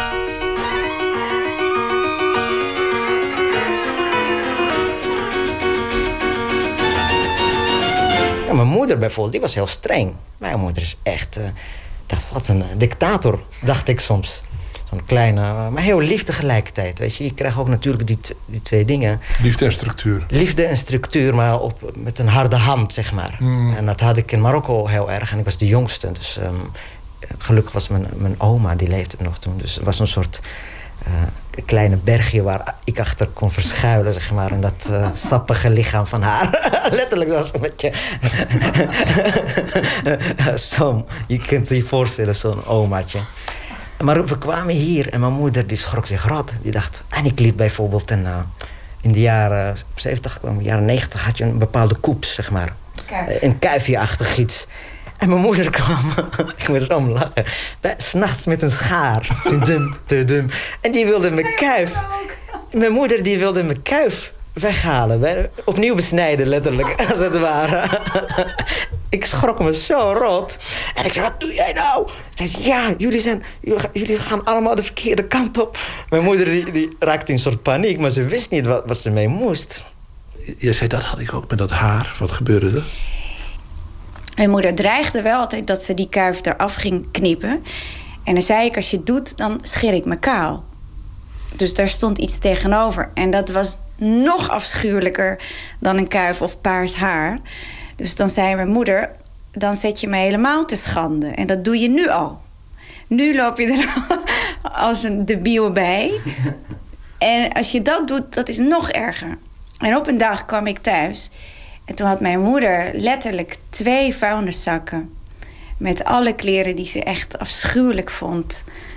Ingepakt en weggegooid. Ze stonden bij de deur en ze zei: Ik gooi dit weg. Nou, dat, dat mocht niet van mij. En toen hadden we een soort eh, strijd. Ging ze die kleren weggooien of niet? En uiteindelijk heeft ze de helft weggegooid. Omdat ze zich schaamde voor hoe ik eruit zag. En als ik haar vroeg, maar waar schaam je je dan voor? Voor wie? Voor, zei ze, voor de mensen. Voor de Marokkaanse moeders. Zeg ik, wat dan? Ja, die en die heeft me gebeld. En die heeft gezegd dat mijn dochter er belachelijk bij liep in de stad en op de grond zat met een stelletje. eh, nou ja, een stelletje skinhead, zei mijn moeder. en eh, Wat wie? blootjes aan het roken waren. En dat, dat vond ze heel erg. Omdat de vrouwen daarover roddelden en zij schaamde zich daarvoor. Nu terugkijkend, hè? Ja. Heb je ook wat mededogen met de nu? Met mijn moeder? Over hoe dat toen ging? Ja, ontzettend veel. Op dat moment konden we echt niet door, door één deur. Letterlijk. Zij ging door de voordeur en ik ging door de achterdeur naar buiten. Om elkaar niet te kruisen. En later dacht ik, jeetje, wat, wat, wat verschrikkelijk eigenlijk voor haar. Want zij wilde dat ik. eh, ik vroeg het haar ook, wat is het dan? Wat is het waar je je voor schaamt? Nou, dat die vrouwen over mij praten. Ik zeg, maar ze praten niet over jou, ze praten over mij. Ja, dat vind ik ook erg, want jij bent mijn kind. En als ze dat doen, dan ondermijnen ze mij. En dan denken ze dat het slecht met je gaat. En ik denk dan ook dat het slecht met je gaat. En ik denk dat je nooit succesvol zult worden. En dat je geen goede baan zult vinden. En dat je geen onafhankelijke vrouw zult worden. En, en later begreep ik dat. Wat ze nu zegt is eigenlijk al heel vrijgevochten. Dat je een baan Ja. vindt, onafhankelijke vrouw. Ja, maar dat is ze ook. Ze is heel vrijgevochten. Is ze trots op je? Ja, dat heeft eh, een tijdje geleden gezegd, voor het eerst. Niet tegen mij eigenlijk, maar wel tegen iemand anders waar ik bij zat. Oh, dat is al heel wat, toch? Dat is, dat is al heel wat. En nou heb jij een toneelstuk geschreven... waarin een moeder op zoek gaat. Ja, en ik heb haar dat eh, verteld en ze vindt het geweldig.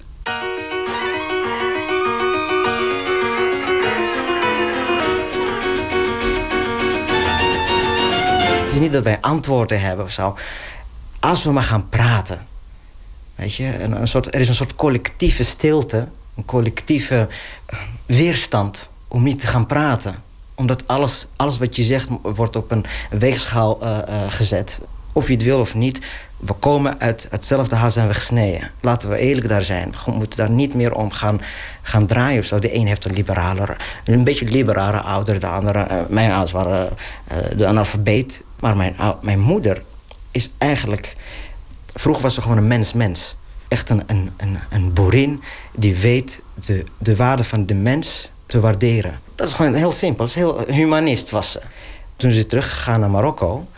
En eh, de toegang tot eh, de moskee preken. Maar sindsdien kwam ze terug met angsten, fobieën. Ze, ze ging ons gewoon aanspreken over... Weet jullie wat er gebeurt met iemand die doodgaat in, in zijn graf? En echt verhalen waarvan ik denk... Mijn god, ze hebben je bang gemaakt. En uit liefde, echt uit liefde voor mij en voor eh, al haar kinderen... zegt ze, jullie moeten de, de rechte pad ehm, eh, kiezen... want je komt terecht in de hel. En dan ga je branden en ik kan niks voor je doen, letterlijk. En ze vond het zo vreselijk dat ze dan niks voor mij kon doen. Dat ik in de hel, dat zij eh, misschien onze wegen zullen scheiden. Hoe kijkt ze nu naar je? Is zij trots op wat je doet? Ja, dat woord trots is een heel raar eh, woord, vind ik altijd. Want ehm, mijn moeder zou onvoorwaardelijk van mij blijven houden. Zelfs al wil ze dat ik niet in de hel wil terechtkomen. Al, dat gelooft ze eh, en dat eh, zeg ook tegen haar. Ik wil gewoon mijn moeder terug. Heb ik tegen haar gezegd. Ik wil gewoon mijn moeder. Al die fobieën en al die dingen, die angsten... wat jou de laatste jaren zijn aangepraat of zo... die wil ik niet meer. Ik wil gewoon mijn moeder die mij om mijn ehm, hoofd even aait. En, en, en zijn moeder zong vroeger. Eh, ze zong in bru- bruiloft. eh, ik zie haar nog zo dansen. Op bruiloft, eh, op, op platteland. En dat is mijn moeder. Maar als het ware, mijn moeder is een beetje gekaapt. dat vind ik heel erg eigenlijk. Eigenlijk, mijn moeder was echt heel liberaal in dat geloof. Ze zei, de profeet zei, we moeten lief zijn voor onze buren. Dus zij bracht elke jaar suiker, met suikerfeest haar koekjes naar onze Hollandse buren. Voor haar was dat heel simpel. We moesten lief zijn. Dat zit. Dan krijgt het hele stuk voor jou ook een aparte betekenis. Jij schrijft een stuk over een moeder die de kind zoekt. Maar dat is voor jou natuurlijk ook zo. Een moeder die toch op zoek gaat naar de zoon. Voor jou heeft dat dus ook een hele specifieke betekenis. Ja, natuurlijk. Want eh het kind, eh, voordat hij die, die aanslag... eh, die heeft zijn moeder altijd gezocht, maar die heeft haar niet gevonden. Eigenlijk. In zijn puberteit, in zijn... niet met haar kunnen praten, niet haar, haar, zijn leven kunnen delen. Tuurlijk. We lopen, ze, ze, ze- lopen langs elkaar heen. En is het feit dat hij dat contact niet kon krijgen met zijn ouders... of dat ze eh, elkaar misliepen, heeft dat er ook toe geleid dat hij dat gedaan heeft? Het heeft toegeleid dat eh, wat er gebeurt, dat hij eh, een andere familie, een ander gezin gaat stichten. En het, of het nou op religieuze manier de broeders, zeg maar, wat nu het ding, zegt ze, kom bij ons. Wij, zijn, wij, wij zullen dat, dat deel wat je mist jou geven. En dat, dat is ook waar. Heel veel van die jongens die dan ehm, een baard laten groeien of eh, iets dergelijks. eh, ze zoeken eigenlijk alleen maar intiem contact. En ze zijn heel hecht met elkaar.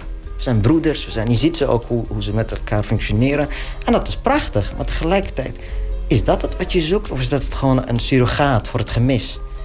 Wat je niet hebt kunnen meekrijgen met je eigen broers, eigen zussen, je eigen moeder, je eigen vader, je eigen bloed en vlees.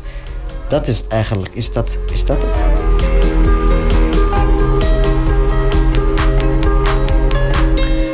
Theatermakers Nisrin Barki en Yaya Gajar. En een eh, stuk Club Paradis gaat vrijdag in première in Rotterdam bij het Rood Theater. Een bijdrage van Matthijs Deen.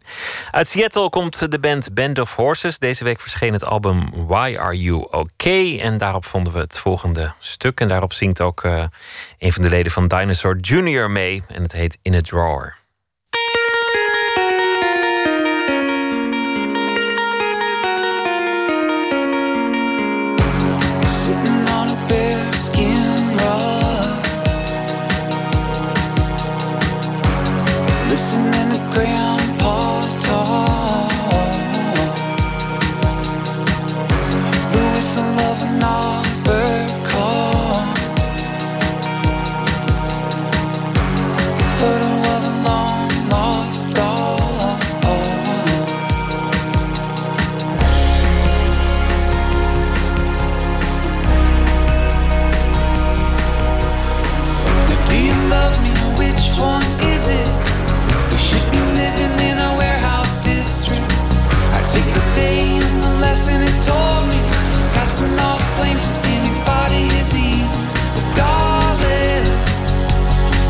Shouldn't be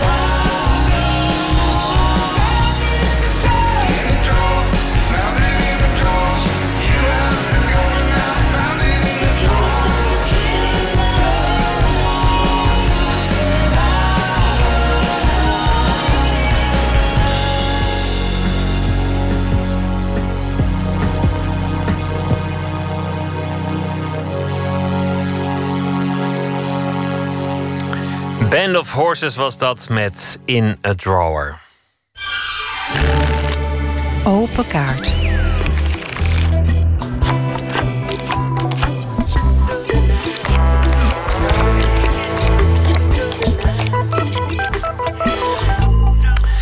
...150 kaarten over werk en leven. En op elke kaart staat een vraag. De gast trekt zelf de vragen. Marije Vogelsang is dat. En zij is food designer. Zij richtte het Dutch Institute of Food and Design op. Een platform voor eten, voedsel en alles wat met ontwerp te maken heeft. Het voedsel zelf hoef je niet te ontwerpen. Dat doet de natuur wel. Ze is ook geen kok. Ze is niet een patissier. Maar ze ontwerpt alles dat met voedsel te maken heeft. En eh, de zesde editie van de talkshow Future Series in het Pakhuis de Zwijger. Aanstaande vrijdag staat helemaal in het teken van food and design. Marije Vogelsang, welkom. Dank je. Een van de sprekers ook eh, aanstaande vrijdag. Eerst maar even over, over voedsel en, en ontwerpen. Een appel hoef je niet te ontwerpen, die bestaat al. Maar verder is natuurlijk heel veel voedsel ontworpen. Een, chocoladereep, een Toblerone, een, een raketijsje. Maar ook een, een Big Mac. Dat zijn allemaal dingen die ooit zijn vormgegeven. Maar het gaat verder. Jij ontwerpt niet zozeer voedsel, maar alles wat ermee te maken heeft. Waar, moet ik aan denken? Ja, je hebt natuurlijk letterlijk food design. Dat, dat heeft ook zijn plek. Dat is dus inderdaad wat je noemt het letterlijk vormgeven van voedsel. Maar ik denk dat het interessanter is om verder te kijken... en ook te kijken, nou ja, wat- wat heeft voedsel eigenlijk voor effect op ons als mensheid? Of wat heeft het effect op mij, op mijn lichaam... of op mijn identiteit of op mijn emoties die ik heb als ik eet...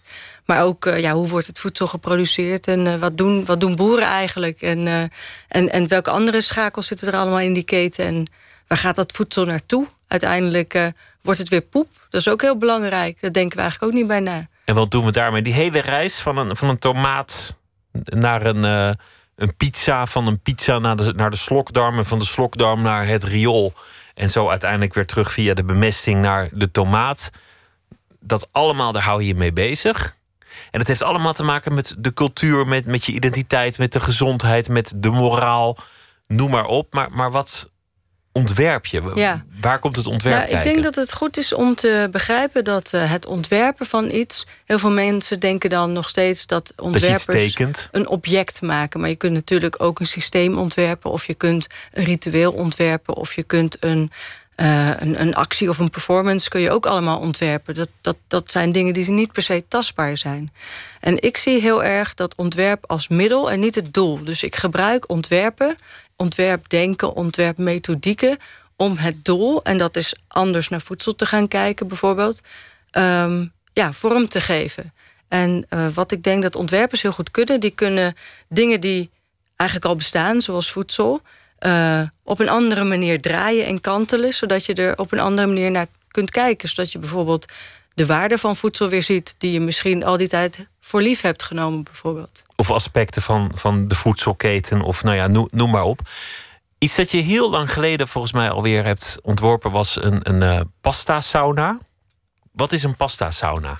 Ja, de Pasta Sauna die heb ik ontworpen voor een eh, performance art festival in New York. ehm, waarbij eh, eh, het uitgangspunt voor, die editie eh, de- het futurisme was. En het futurisme was een kunststroming aan het begin van de vorige eeuw. En de futuristen die vonden dat, ehm, ehm, dat eh, de, de, de- wereld eigenlijk veel te langzaam ging. Die wilden eh, kracht, snelheid, agressie, aerodynamica. Die waren erg onder de indruk van alle industriële revolutionaire di- dingen die er op dat moment gebeurden. En die vonden dat dat, dat kunst, dat moest gezamtkunst zijn. Dus dat moest ge- tegelijkertijd beeld houden met eh, muziek, met dans, met eh, ook eten werd daar heel erg in meegenomen. En een van de eh, eh, aanstichters van die stroming was eh, Marinetti. En die heeft een manifest ge- geschreven. En dat heet The Futurist Cookbook. Die is nog steeds verkrijgbaar eh, tweedehands. Dat is een geweldig boek. En daar staan allerlei eclectische diners in. En gebaseerd of geïnspireerd eigenlijk op die kunststroming...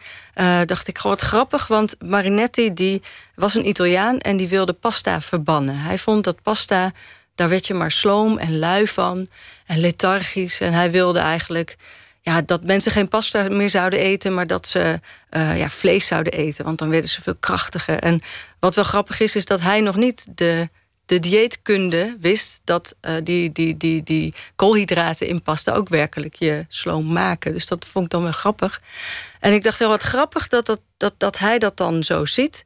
En ik dacht, dat effect wat pasta dus op je heeft, hoe hij dat omschrijft, dat kan je ook bewerkstelligen in, door in een sauna te gaan. Eigenlijk, dan word je ook zo lui en moe en ontspannen en En dan is het ineens iets positiefs. Dan ben je zo lekker ontspannen door, door die sauna. Terwijl na een pasta maaltijd wordt het ineens iets negatiefs. Dat je, dat je een after dinner slump hebt, hoe lekker dat ook kan zijn.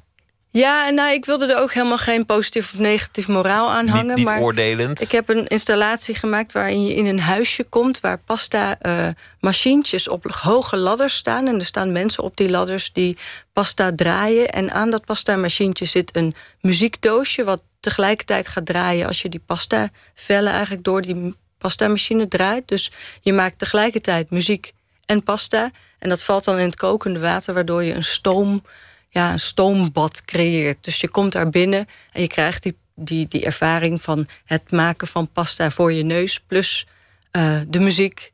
En je wordt daar, nou ja, je, krijgt, je krijgt een stoombehandeling als Een, het een wellness-ervaring. Ja, dit, ja. dit is al een oud project, maar het, het zet aan het denken over voedsel. Je hebt ook eh, ontworpen eh, een totaal witte maaltijd. Omdat wit in veel culturen de, de kleur is van, van de rouw en de dood. Bij ons is dat zwart, maar in, in veel culturen is dat wit. En dat was dan een, een manier om, om rauw voedsel te maken. Voedsel dat helpt bij het rouwritueel. Ja. Als ik het goed uitleg. Nou ja, we hebben natuurlijk in Nederland zijn we heel beroemd om ons kopje koffie, plakje cake, eh, uitvaartcultuur. Dus eh, ik dacht, we hebben best wel ruimte voor nog een alternatief. Daar is iets. ruimte voor innovatie. Ja, ja. Zo'n plakkerige cake maakt het alleen maar erger.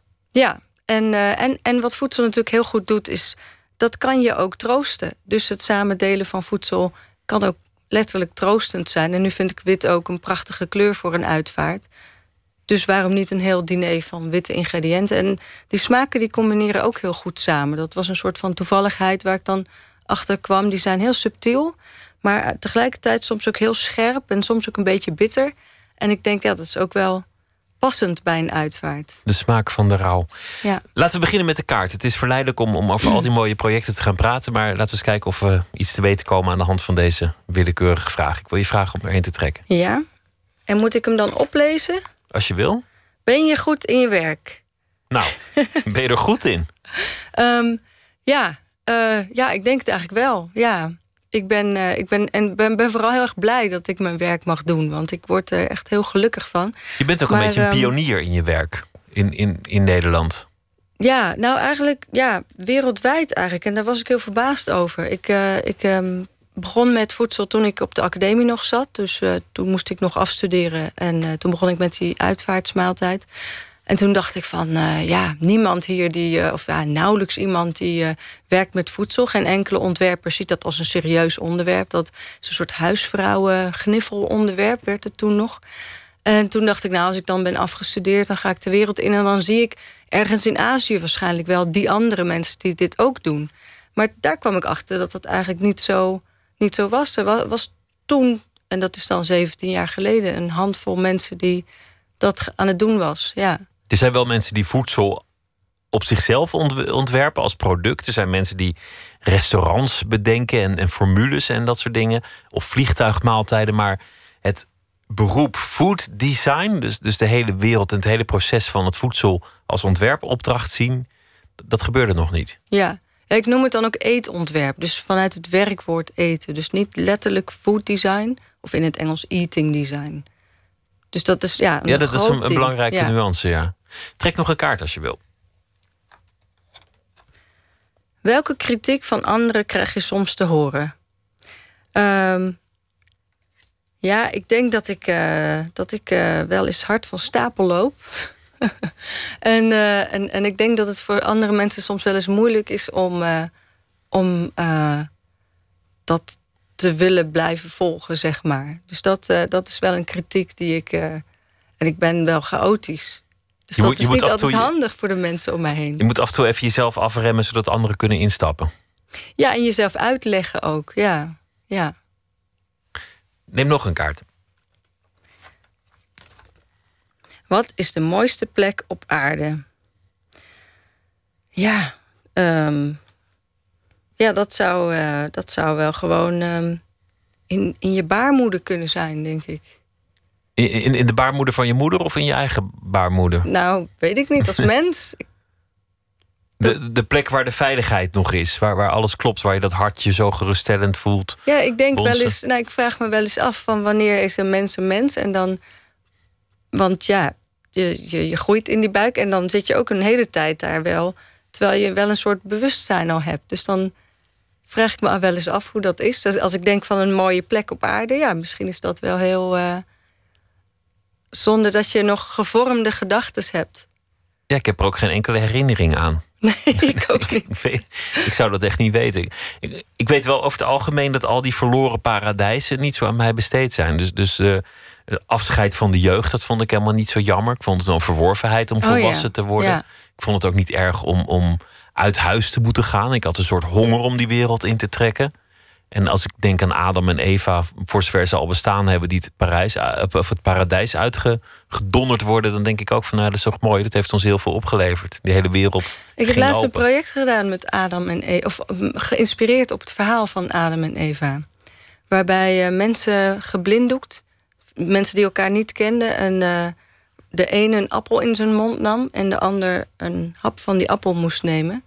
En het hele verhaal wat ik daarbij vertelde was dat ehm, we inderdaad denken dat het paradijs soort van perfect is. Maar op het moment dat je in het paradijs zit, dan eh, kan je dat helemaal niet zien. Want als je alleen maar mooi ziet, dan zie je niet dat het mooi is, omdat je geen referentie hebt. Er is geen lelijk, dus wat weet je van mooi? Ja, dus dan, dan, dan is gewoon alles is één, één ding. Dat, dat, dat, dat zul je helemaal niet. Je zult niet bij jezelf denken: wat is het hier mooi?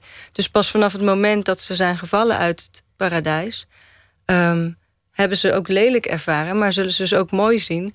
En die spanning daartussen, dat is waar kunst uit voortkomt. En het hele leven. En, En, de en hele... dat is als jij met een vreemde een appel bijt. Ook weer dat het over eten gaat. Hè? Weer een eetritueel waarmee dat allemaal Ja, samenhing. ja. Laten we Eten nog is een- een goed excuus voor dingen. ja.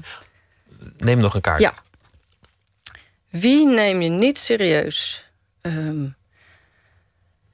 ja, de, de, de- Nou, er moeten er Ja, vele zijn, toch? In, zijn, in, het, in het eh, vak van, van het voedsel, Oh, daar zitten ook in mijn charlatans. vak bedoel je? Ja, of, of alles wat ermee samenhangt. Ja, ik, ik, TV-koks. nou, ik, ik ben nooit. eh, ik, ben, ik vind het nooit zo interessant om heel erg veroordelend te zijn, eigenlijk. eh, op mensen. Ik, ik denk wel dat er heel veel ontwerpers zijn die allemaal rotzooi maken. Eh, en, en de wereld heeft al genoeg rotzooi. Dus dan kan je ook je heel erg afvragen in jouw vak als ontwerper: moet je nog meer spullen de wereld in willen helpen? Maar dat betekent niet dat ik die mensen niet serieus neem. Ik denk gewoon, die zitten op een ander vlak te werken. Het is ook beter om met je eigen ding bezig te zijn dan, dan anderen te veroordelen of, of af te schrijven ja, misschien. dat denk ik wel. Ja. Probeer nog maar een kaart dan. Ben je wel eens in therapie geweest? Ehm, ja, ik heb wel eens. eh, ik, ik, ik ben wel eens eh, ook wel eens lang geleden naar. Wat was dat toen nog? Het, het GGZ geweest. En toen zei die persoon: Ja, maar je, hebt, je bent. dit- We gaan je niet helpen. Want je bent nog te sociaal. Dus dat was, ik was niet, er, het was niet erg slecht genoeg met mij toen. Het was niet problematisch genoeg. Nee, nee. Ehm, ja, en achteraf was het dan ook wel weer mooi. Maar eh, nee, ik, ben, ik heb ook wel eens coaching gehad van, eh, van iemand. Ja, het is heel zinvol. Lijkt me ook, dus is, eh, wat ik ervan hoor, altijd een, een goed idee om ze bij iemand te raden te gaan. Het is vrijdag en dan gaat het gebeuren ehm, in Pakhuis de Zwijger. Een talkshow over ontwerpen. En jij gaat iets vertellen over eten en het de ervaring daarvan. Marije Vogelzang, dank je wel. Dankjewel. Hij werkt in Atlanta, Georgia aan een nieuw album, de Nederlandse Mr. Props. Op de nieuwe single koppelt hij een ouderwets soulgevoel met een beetje Motown en dan ook nog wat Curtis Mayfield en dan ook nog iets van het heden. Dat allemaal door de blender en dan klinkt het ongeveer zo fine as mess.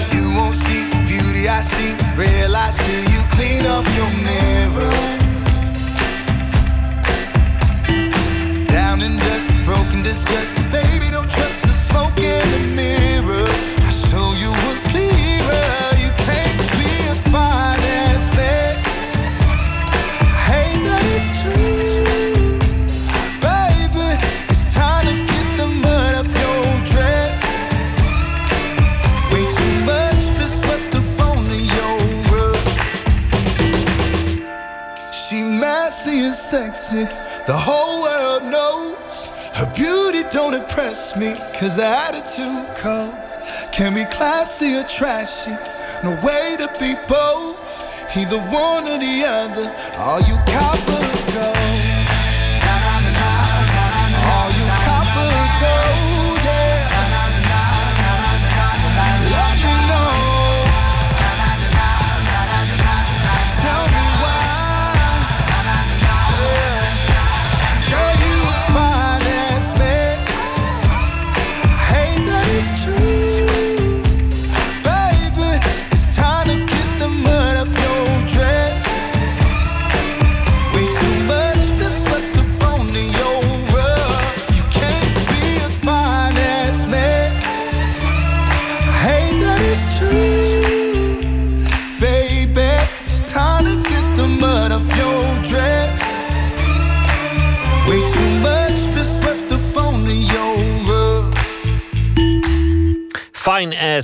Van Mr. Props.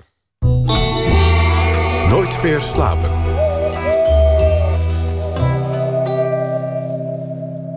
Op het graf gaan liggen van een Syrische martelaar. Dat zou zomaar kunnen vanaf morgen in Amsterdam. En Nicolaou, nachtcorrespondent, welkom. Waar hebben we het over? Ja, het gaat eh, natuurlijk niet over echte graven, maar het is een kunstwerk. Een interactieve geluidsinstallatie, zoals dat dan zo mooi heet. eh, op het Holland Festival. En het is van de Libanees-Britse kunstenares Tania El Khouri. En ik las dat en ik dacht het liggen op het graf van een eh, Syrische dode. Dat klinkt interessant en chockerend. En ik wil dat wel zien. Maar het klinkt ergens ook. Eh, ja, er was ook een soort waarschuwend stemmetje wel in mijn hoofd. Van dit kan ook wel eens ontzettend fout zijn. Ja, je, je hoort niet op het graf van onbekenden te gaan liggen. Zou een soort etiketten kunnen zijn. Wellicht een eh, poging te chockeren. Wat is er aan de hand? Ja, het, het kan natuurlijk een soort spektakelwerk worden. En eh, het kan ook op een hele andere manier vervelend zijn, bedacht ik me. Want kunst om de kunst kan heel verschrikkelijk zijn, maar kunst met een boodschap ook. Omdat het een soort propaganda wordt, of omdat het eh, heel goed bedoeld is, maar tegelijkertijd ook heel saai. En daarom dacht ik, nou, dat is wel een goede reden om het nou eens te hebben over dat dunne koord tussen goede politieke kunst en slechte. En ik belde eerst maar eens met kunsthistorica Marianne Couzijn. Eh, zij werkt voor de correspondent, wat toch ook een vorm van geëngageerde journalistiek is. Dus ik dacht, zij weet dat soort dingen. Een geëngageerd kunstwerk met een hele eenduidige boodschap kan een hele goede politieke boodschap hebben. Maar het hoeft niet per se een heel goed kunstwerk te zijn. Om er een goed kunstwerk van te maken, moet er toch een extra laag aan zo'n protest zitten. Ja, dus er moet een extra laag aan zitten. Het moet een beetje dubbelzinnig zijn. En eh, zij geeft een voorbeeld van hoe politieke kunst soms opeens ook in een heel verkeerd keelgat kan schieten. Het overkwam de beroemde Chinese dissidente kunstenaar Ai Weiwei. Onlangs, eh, toen hij een werk maakte naar aanleiding van de dood van een andere Syriër, namelijk het driejarige jongetje Aylan Kurdi. Onlangs is hij naar Griekenland gegaan en heeft hij daar op de kust, waar heel veel reddingsvesten zijn aangespoeld en waar gewoon heel veel vluchtelingen omkomen, ook heeft hij een foto laten maken waarop hij in die houding ligt van het jongetje dat toen was overleden. Een jonge vluchteling die daar was verdronken. En die foto is de hele wereld overgegaan en IWW heeft dus die foto nagemaakt. En toen vond de internationale kunstpers toch dat wel heel erg ehm, smakeloos van hem. Om zo over de rug van ja, arme, verdronken mensen zijn eigen status eigenlijk wat, wat beter te maken. Vooruit, Eh, je ging dus eh, gewapend met een flinke dosis skepsis er naartoe. Maar laten, laten we voor we erop vooruit lopen of het nou wel of niet kan, eerst maar eens hebben over wat er feitelijk aan de hand is. Wat is het voor werk waar we het over hebben? Ja, er werd vandaag opgebouwd in Theater Bellevue in Amsterdam. En, maar ik kon toch een kleine preview krijgen. En zonder nou meteen alles te verklappen. Het is een vorm van interactief theater. Dus je moet zelf ook wat doen. Je wordt naar een wachtruimte gebracht met negen anderen. Daar staan stoeltjes. En je krijgt daar onmiddel- onmiddellijk de associatie eigenlijk met een crematorium. Of met zo'n wachtruimte van, eh, van de huisarts of van een ziekenhuis. Dus niet meteen heel erg prettig. En dan ga je naar de volgende ruimte en dan krijg je een lange witte regenjas aan. En je krijgt een fotootje met een graf erop. En daarop staat de naam van een overleden Syrische machtelaar, zoals de kunstenares ze noemt. En dan ga je dus naar de grote zaal. En dan bevindt zich daar in het donker, heel mooi verlicht, eh, maar toch vooral heel donker, een kerkhof. En dan is de bedoeling dat je in dat zand gaat graven. En dan uiteindelijk komen daar geluiden uit die graven. En dat zijn de verhalen van die overleden Syrische strijders. Ehm, en je gaat dan in je regenjas op je blote voeten eigenlijk op dat graf liggen om dat verhaal goed te kunnen horen, want anders kun je het niet horen. En uh, Tania El Khouri is dus uh, Libanees-Brits en zij sympathiseerde, zoals zoveel, met de opstand tegen Assad in Syrië. En toen zij werkte in Beirut, toen uh, kwam ze ook in contact met heel veel gevluchte kunstenaars. En ik vroeg haar wat nou het specifieke idee van dit kunstwerk is. The piece was inspired by a photo I saw being shared uh, on the internet of a Syrian woman who was digging a grave for her own son in, um, in the home garden. Ja, dus moeders die uh, graven uh, maken in hun eigen tuin voor hun zoon. Nou ja, dat is op zich al een heel hartverscheurend gegeven. En de reden dat ze dat doen, dat is omdat die begraafplaatsen onbereikbaar zijn door bombardementen. Maar ook uh, omdat die begrafenissen van die strijders tegen Assad in die uh, aanvankelijke revolutie verstoord werden. Dus die mensen werden bedreigd door Assad-aanhangers. En zo zijn de dood, zelfs de doden volgens El Khouri een middel in de strijd geworden. En zij vindt dat een heel tragisch gegeven. Dat lijkt me ook terecht. Zij zocht de nabestaanden van tien van zulke uh, Syrische strijders of, of ja, demonstranten waren het eigenlijk op. En zij reconstrueerde, uh, reconstrueerden hun levensverhaal. En die verhalen hoor je dus nu. Dat lijkt niet zozeer om, om te chockeren, maar meer om, om de ervaring van Syrië invoelbaar te maken voor, voor de mensen hier. Om, om niet alleen het verhaal te vertellen, maar om het ook echt voelbaar, tastbaar en, en daarmee ook emotioneel wat aanraakbaarder te maken. Ja, en dat, dat werkt natuurlijk wel. Want als je met je blote handen in natte, in natte grond graven, dat, dat is al meteen een associatie die. Ja, er gaan dan meteen allerlei dingen in je hoofd uh, werken. Alleen al door dat gegeven. En dan is het ook nog een, graf. En ik vroeg de kunstenares natuurlijk van... doe je dit nou om te chockeren? En zij zei nee, totaal niet. Het gaat mij nou juist om de... eigenlijk om aandacht. Om dat ritueel van zo'n begraafplaats. Om het ritueel van het begraven. En dat heeft ook iets heel zorgzaams... om stil te staan bij het graf van een dierbare... maar ook misschien wel bij een graf van een vreemde. Dus het gaat daar om het ritueel. It invites people to become part of a ritual, to be part of a ceremony of mourning those and people who we tell their story, but also to think about their own uh, mortality, about um, to be close to the earth, which is both something that can evoke sad feelings uh, for some people, but can be also quite comforting for other people. Ja, je gaat dus denken aan je eigen sterfelijkheid, zegt zij. En de, die aarde die kan ook een, ja, een rustgevend gevoel bijna geven. En dat zo je neervlijen in die aarde, dat, dat, ja, dat doet wel iets met je. Maar, maar je in de schoenen begeven van iemand die een kind begraaft, kan ook iets pathetisch hebben. Het is niet meer subtiel, het is niet meer dubbelzinnig. Het, het is bijna een soort uh, engagementsporno of zo. Ja, ik vond het toch wel mooi, maar het heeft niet iets gevaarlijks. Wat je bijvoorbeeld hebt bij kunstenaars uh, zoals Renzo Martens. Uh, die, die heel veel in uh, Afrika doet en die Afrikanen eigenlijk inzet. die, die bijvoorbeeld hen hun zielige foto's voortaan zelf liet maken, omdat ze daar geld mee konden verdienen. En Ronald Ophuis, die schilderijen maakt van, eh, van uh, geweld in bijvoorbeeld concentratiekampen, die, die zorgen dat je je als kijker ook heel erg ongemakkelijk gaat voelen. Ja, ik zeg dit, ik heb het niet gezien, hè? Dus, dus dit is hoe het klinkt, maar misschien dat, dat het wel allemaal heel, heel mooi is als je het meemaakt. Dat, dat ja, hou ik open. Wat het wel doet, is uh, die verhalen dichtbij maken, uh, dichtbij halen en daarmee doet ze ook wel echt iets heel anders dan bijvoorbeeld journalisten en documentairemakers en politici kunnen met zo'n gegeven als ja, al die ellende in Syrië. Marianne Cousijn. Een bepaalde mate van engagement is heel belangrijk in kunst, want anders is het gewoon decoratie. En ik vind het wel interessant dat er gewoon heel weinig regels zijn van wat kunst kan zijn. En als je een journalist bent, moet je je aan bepaalde codes houden en aan bepaalde regels. En als kunstenaar hoef je dat niet. Dus ik denk dat daar inderdaad kunstenaars eh, op een veel directere manier eh, protesten kunnen eh, maken. En dat dubbelzinnige is juist ook, dat mag in kunst. En in politiek bijvoorbeeld willen we dat liever niet. De performance is te zien op het Holland Festival vanaf eh, morgen. En het klinkt toch eh al met al heel interessant. En Nicolaou, dankjewel. Goeienacht.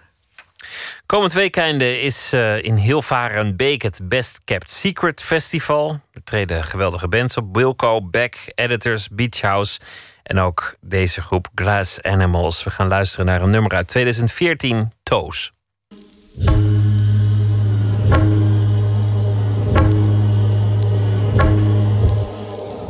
Put your hand down, boy. Welcome to my zoo. Put your head inside my big black wild wild.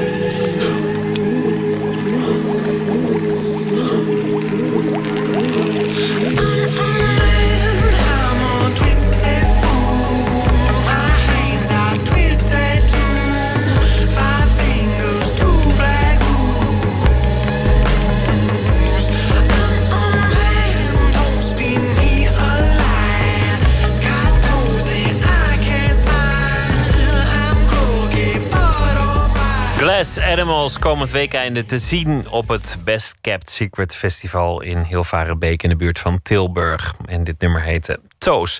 Saskia Steehouwer is dichter en zal deze week elke nacht een gedicht uitkiezen en voordragen om u de nacht mee in te sturen.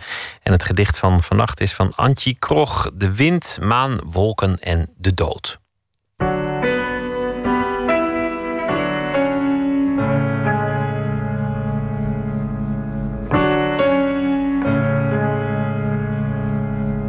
Vanavond wil ik graag iets laten horen uit het veelzijdige werk van de Zuid-Afrikaanse dichteres Ankie Krog. Ik heb zelf lang voor het Zuid-Afrika Instituut van de VU gewerkt. En ik heb ook onderzoek gedaan naar hedendaagse Zuid-Afrikaanse poëzie. En ik ben toen erg van haar werk onder de indruk geraakt. Ze heeft een heel mooi boek gemaakt dat heet Liederen van de Blauwkraanvogel. Waarin ze uit archieven overgeleverde verhalen heeft opgetekend van de Xam. Of zoals wij nogal incorrect zeggen, de bosjesmannen uit Zuid-Afrika. Het gedicht dat ik lees geeft een helder en vind ik ook ontroerend beeld van hoe alles eigenlijk in elkaar zit. De wind, maan, wolken en de dood. De wind waait wanneer we doodgaan. Onze eigen wind. De wind behoort aan ons. Ja, we maken wolken wanneer we sterven. Dan doet de wind zo. De wind maakt stof en waait het stof in onze voetsporen.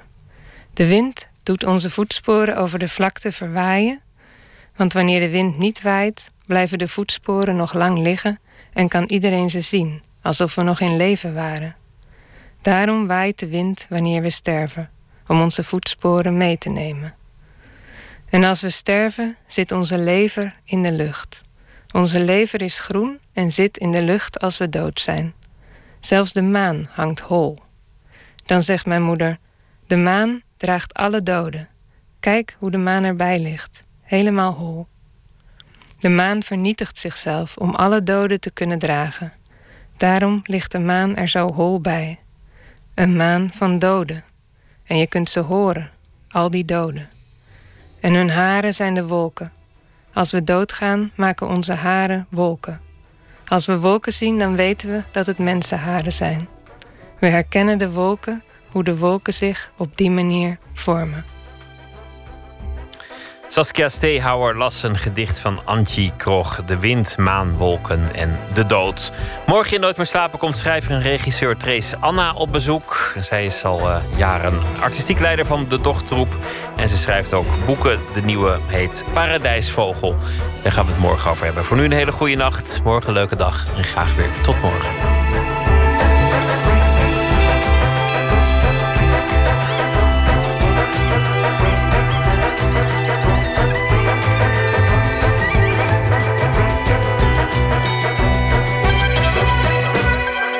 Radio 1, het nieuws van alle kanten.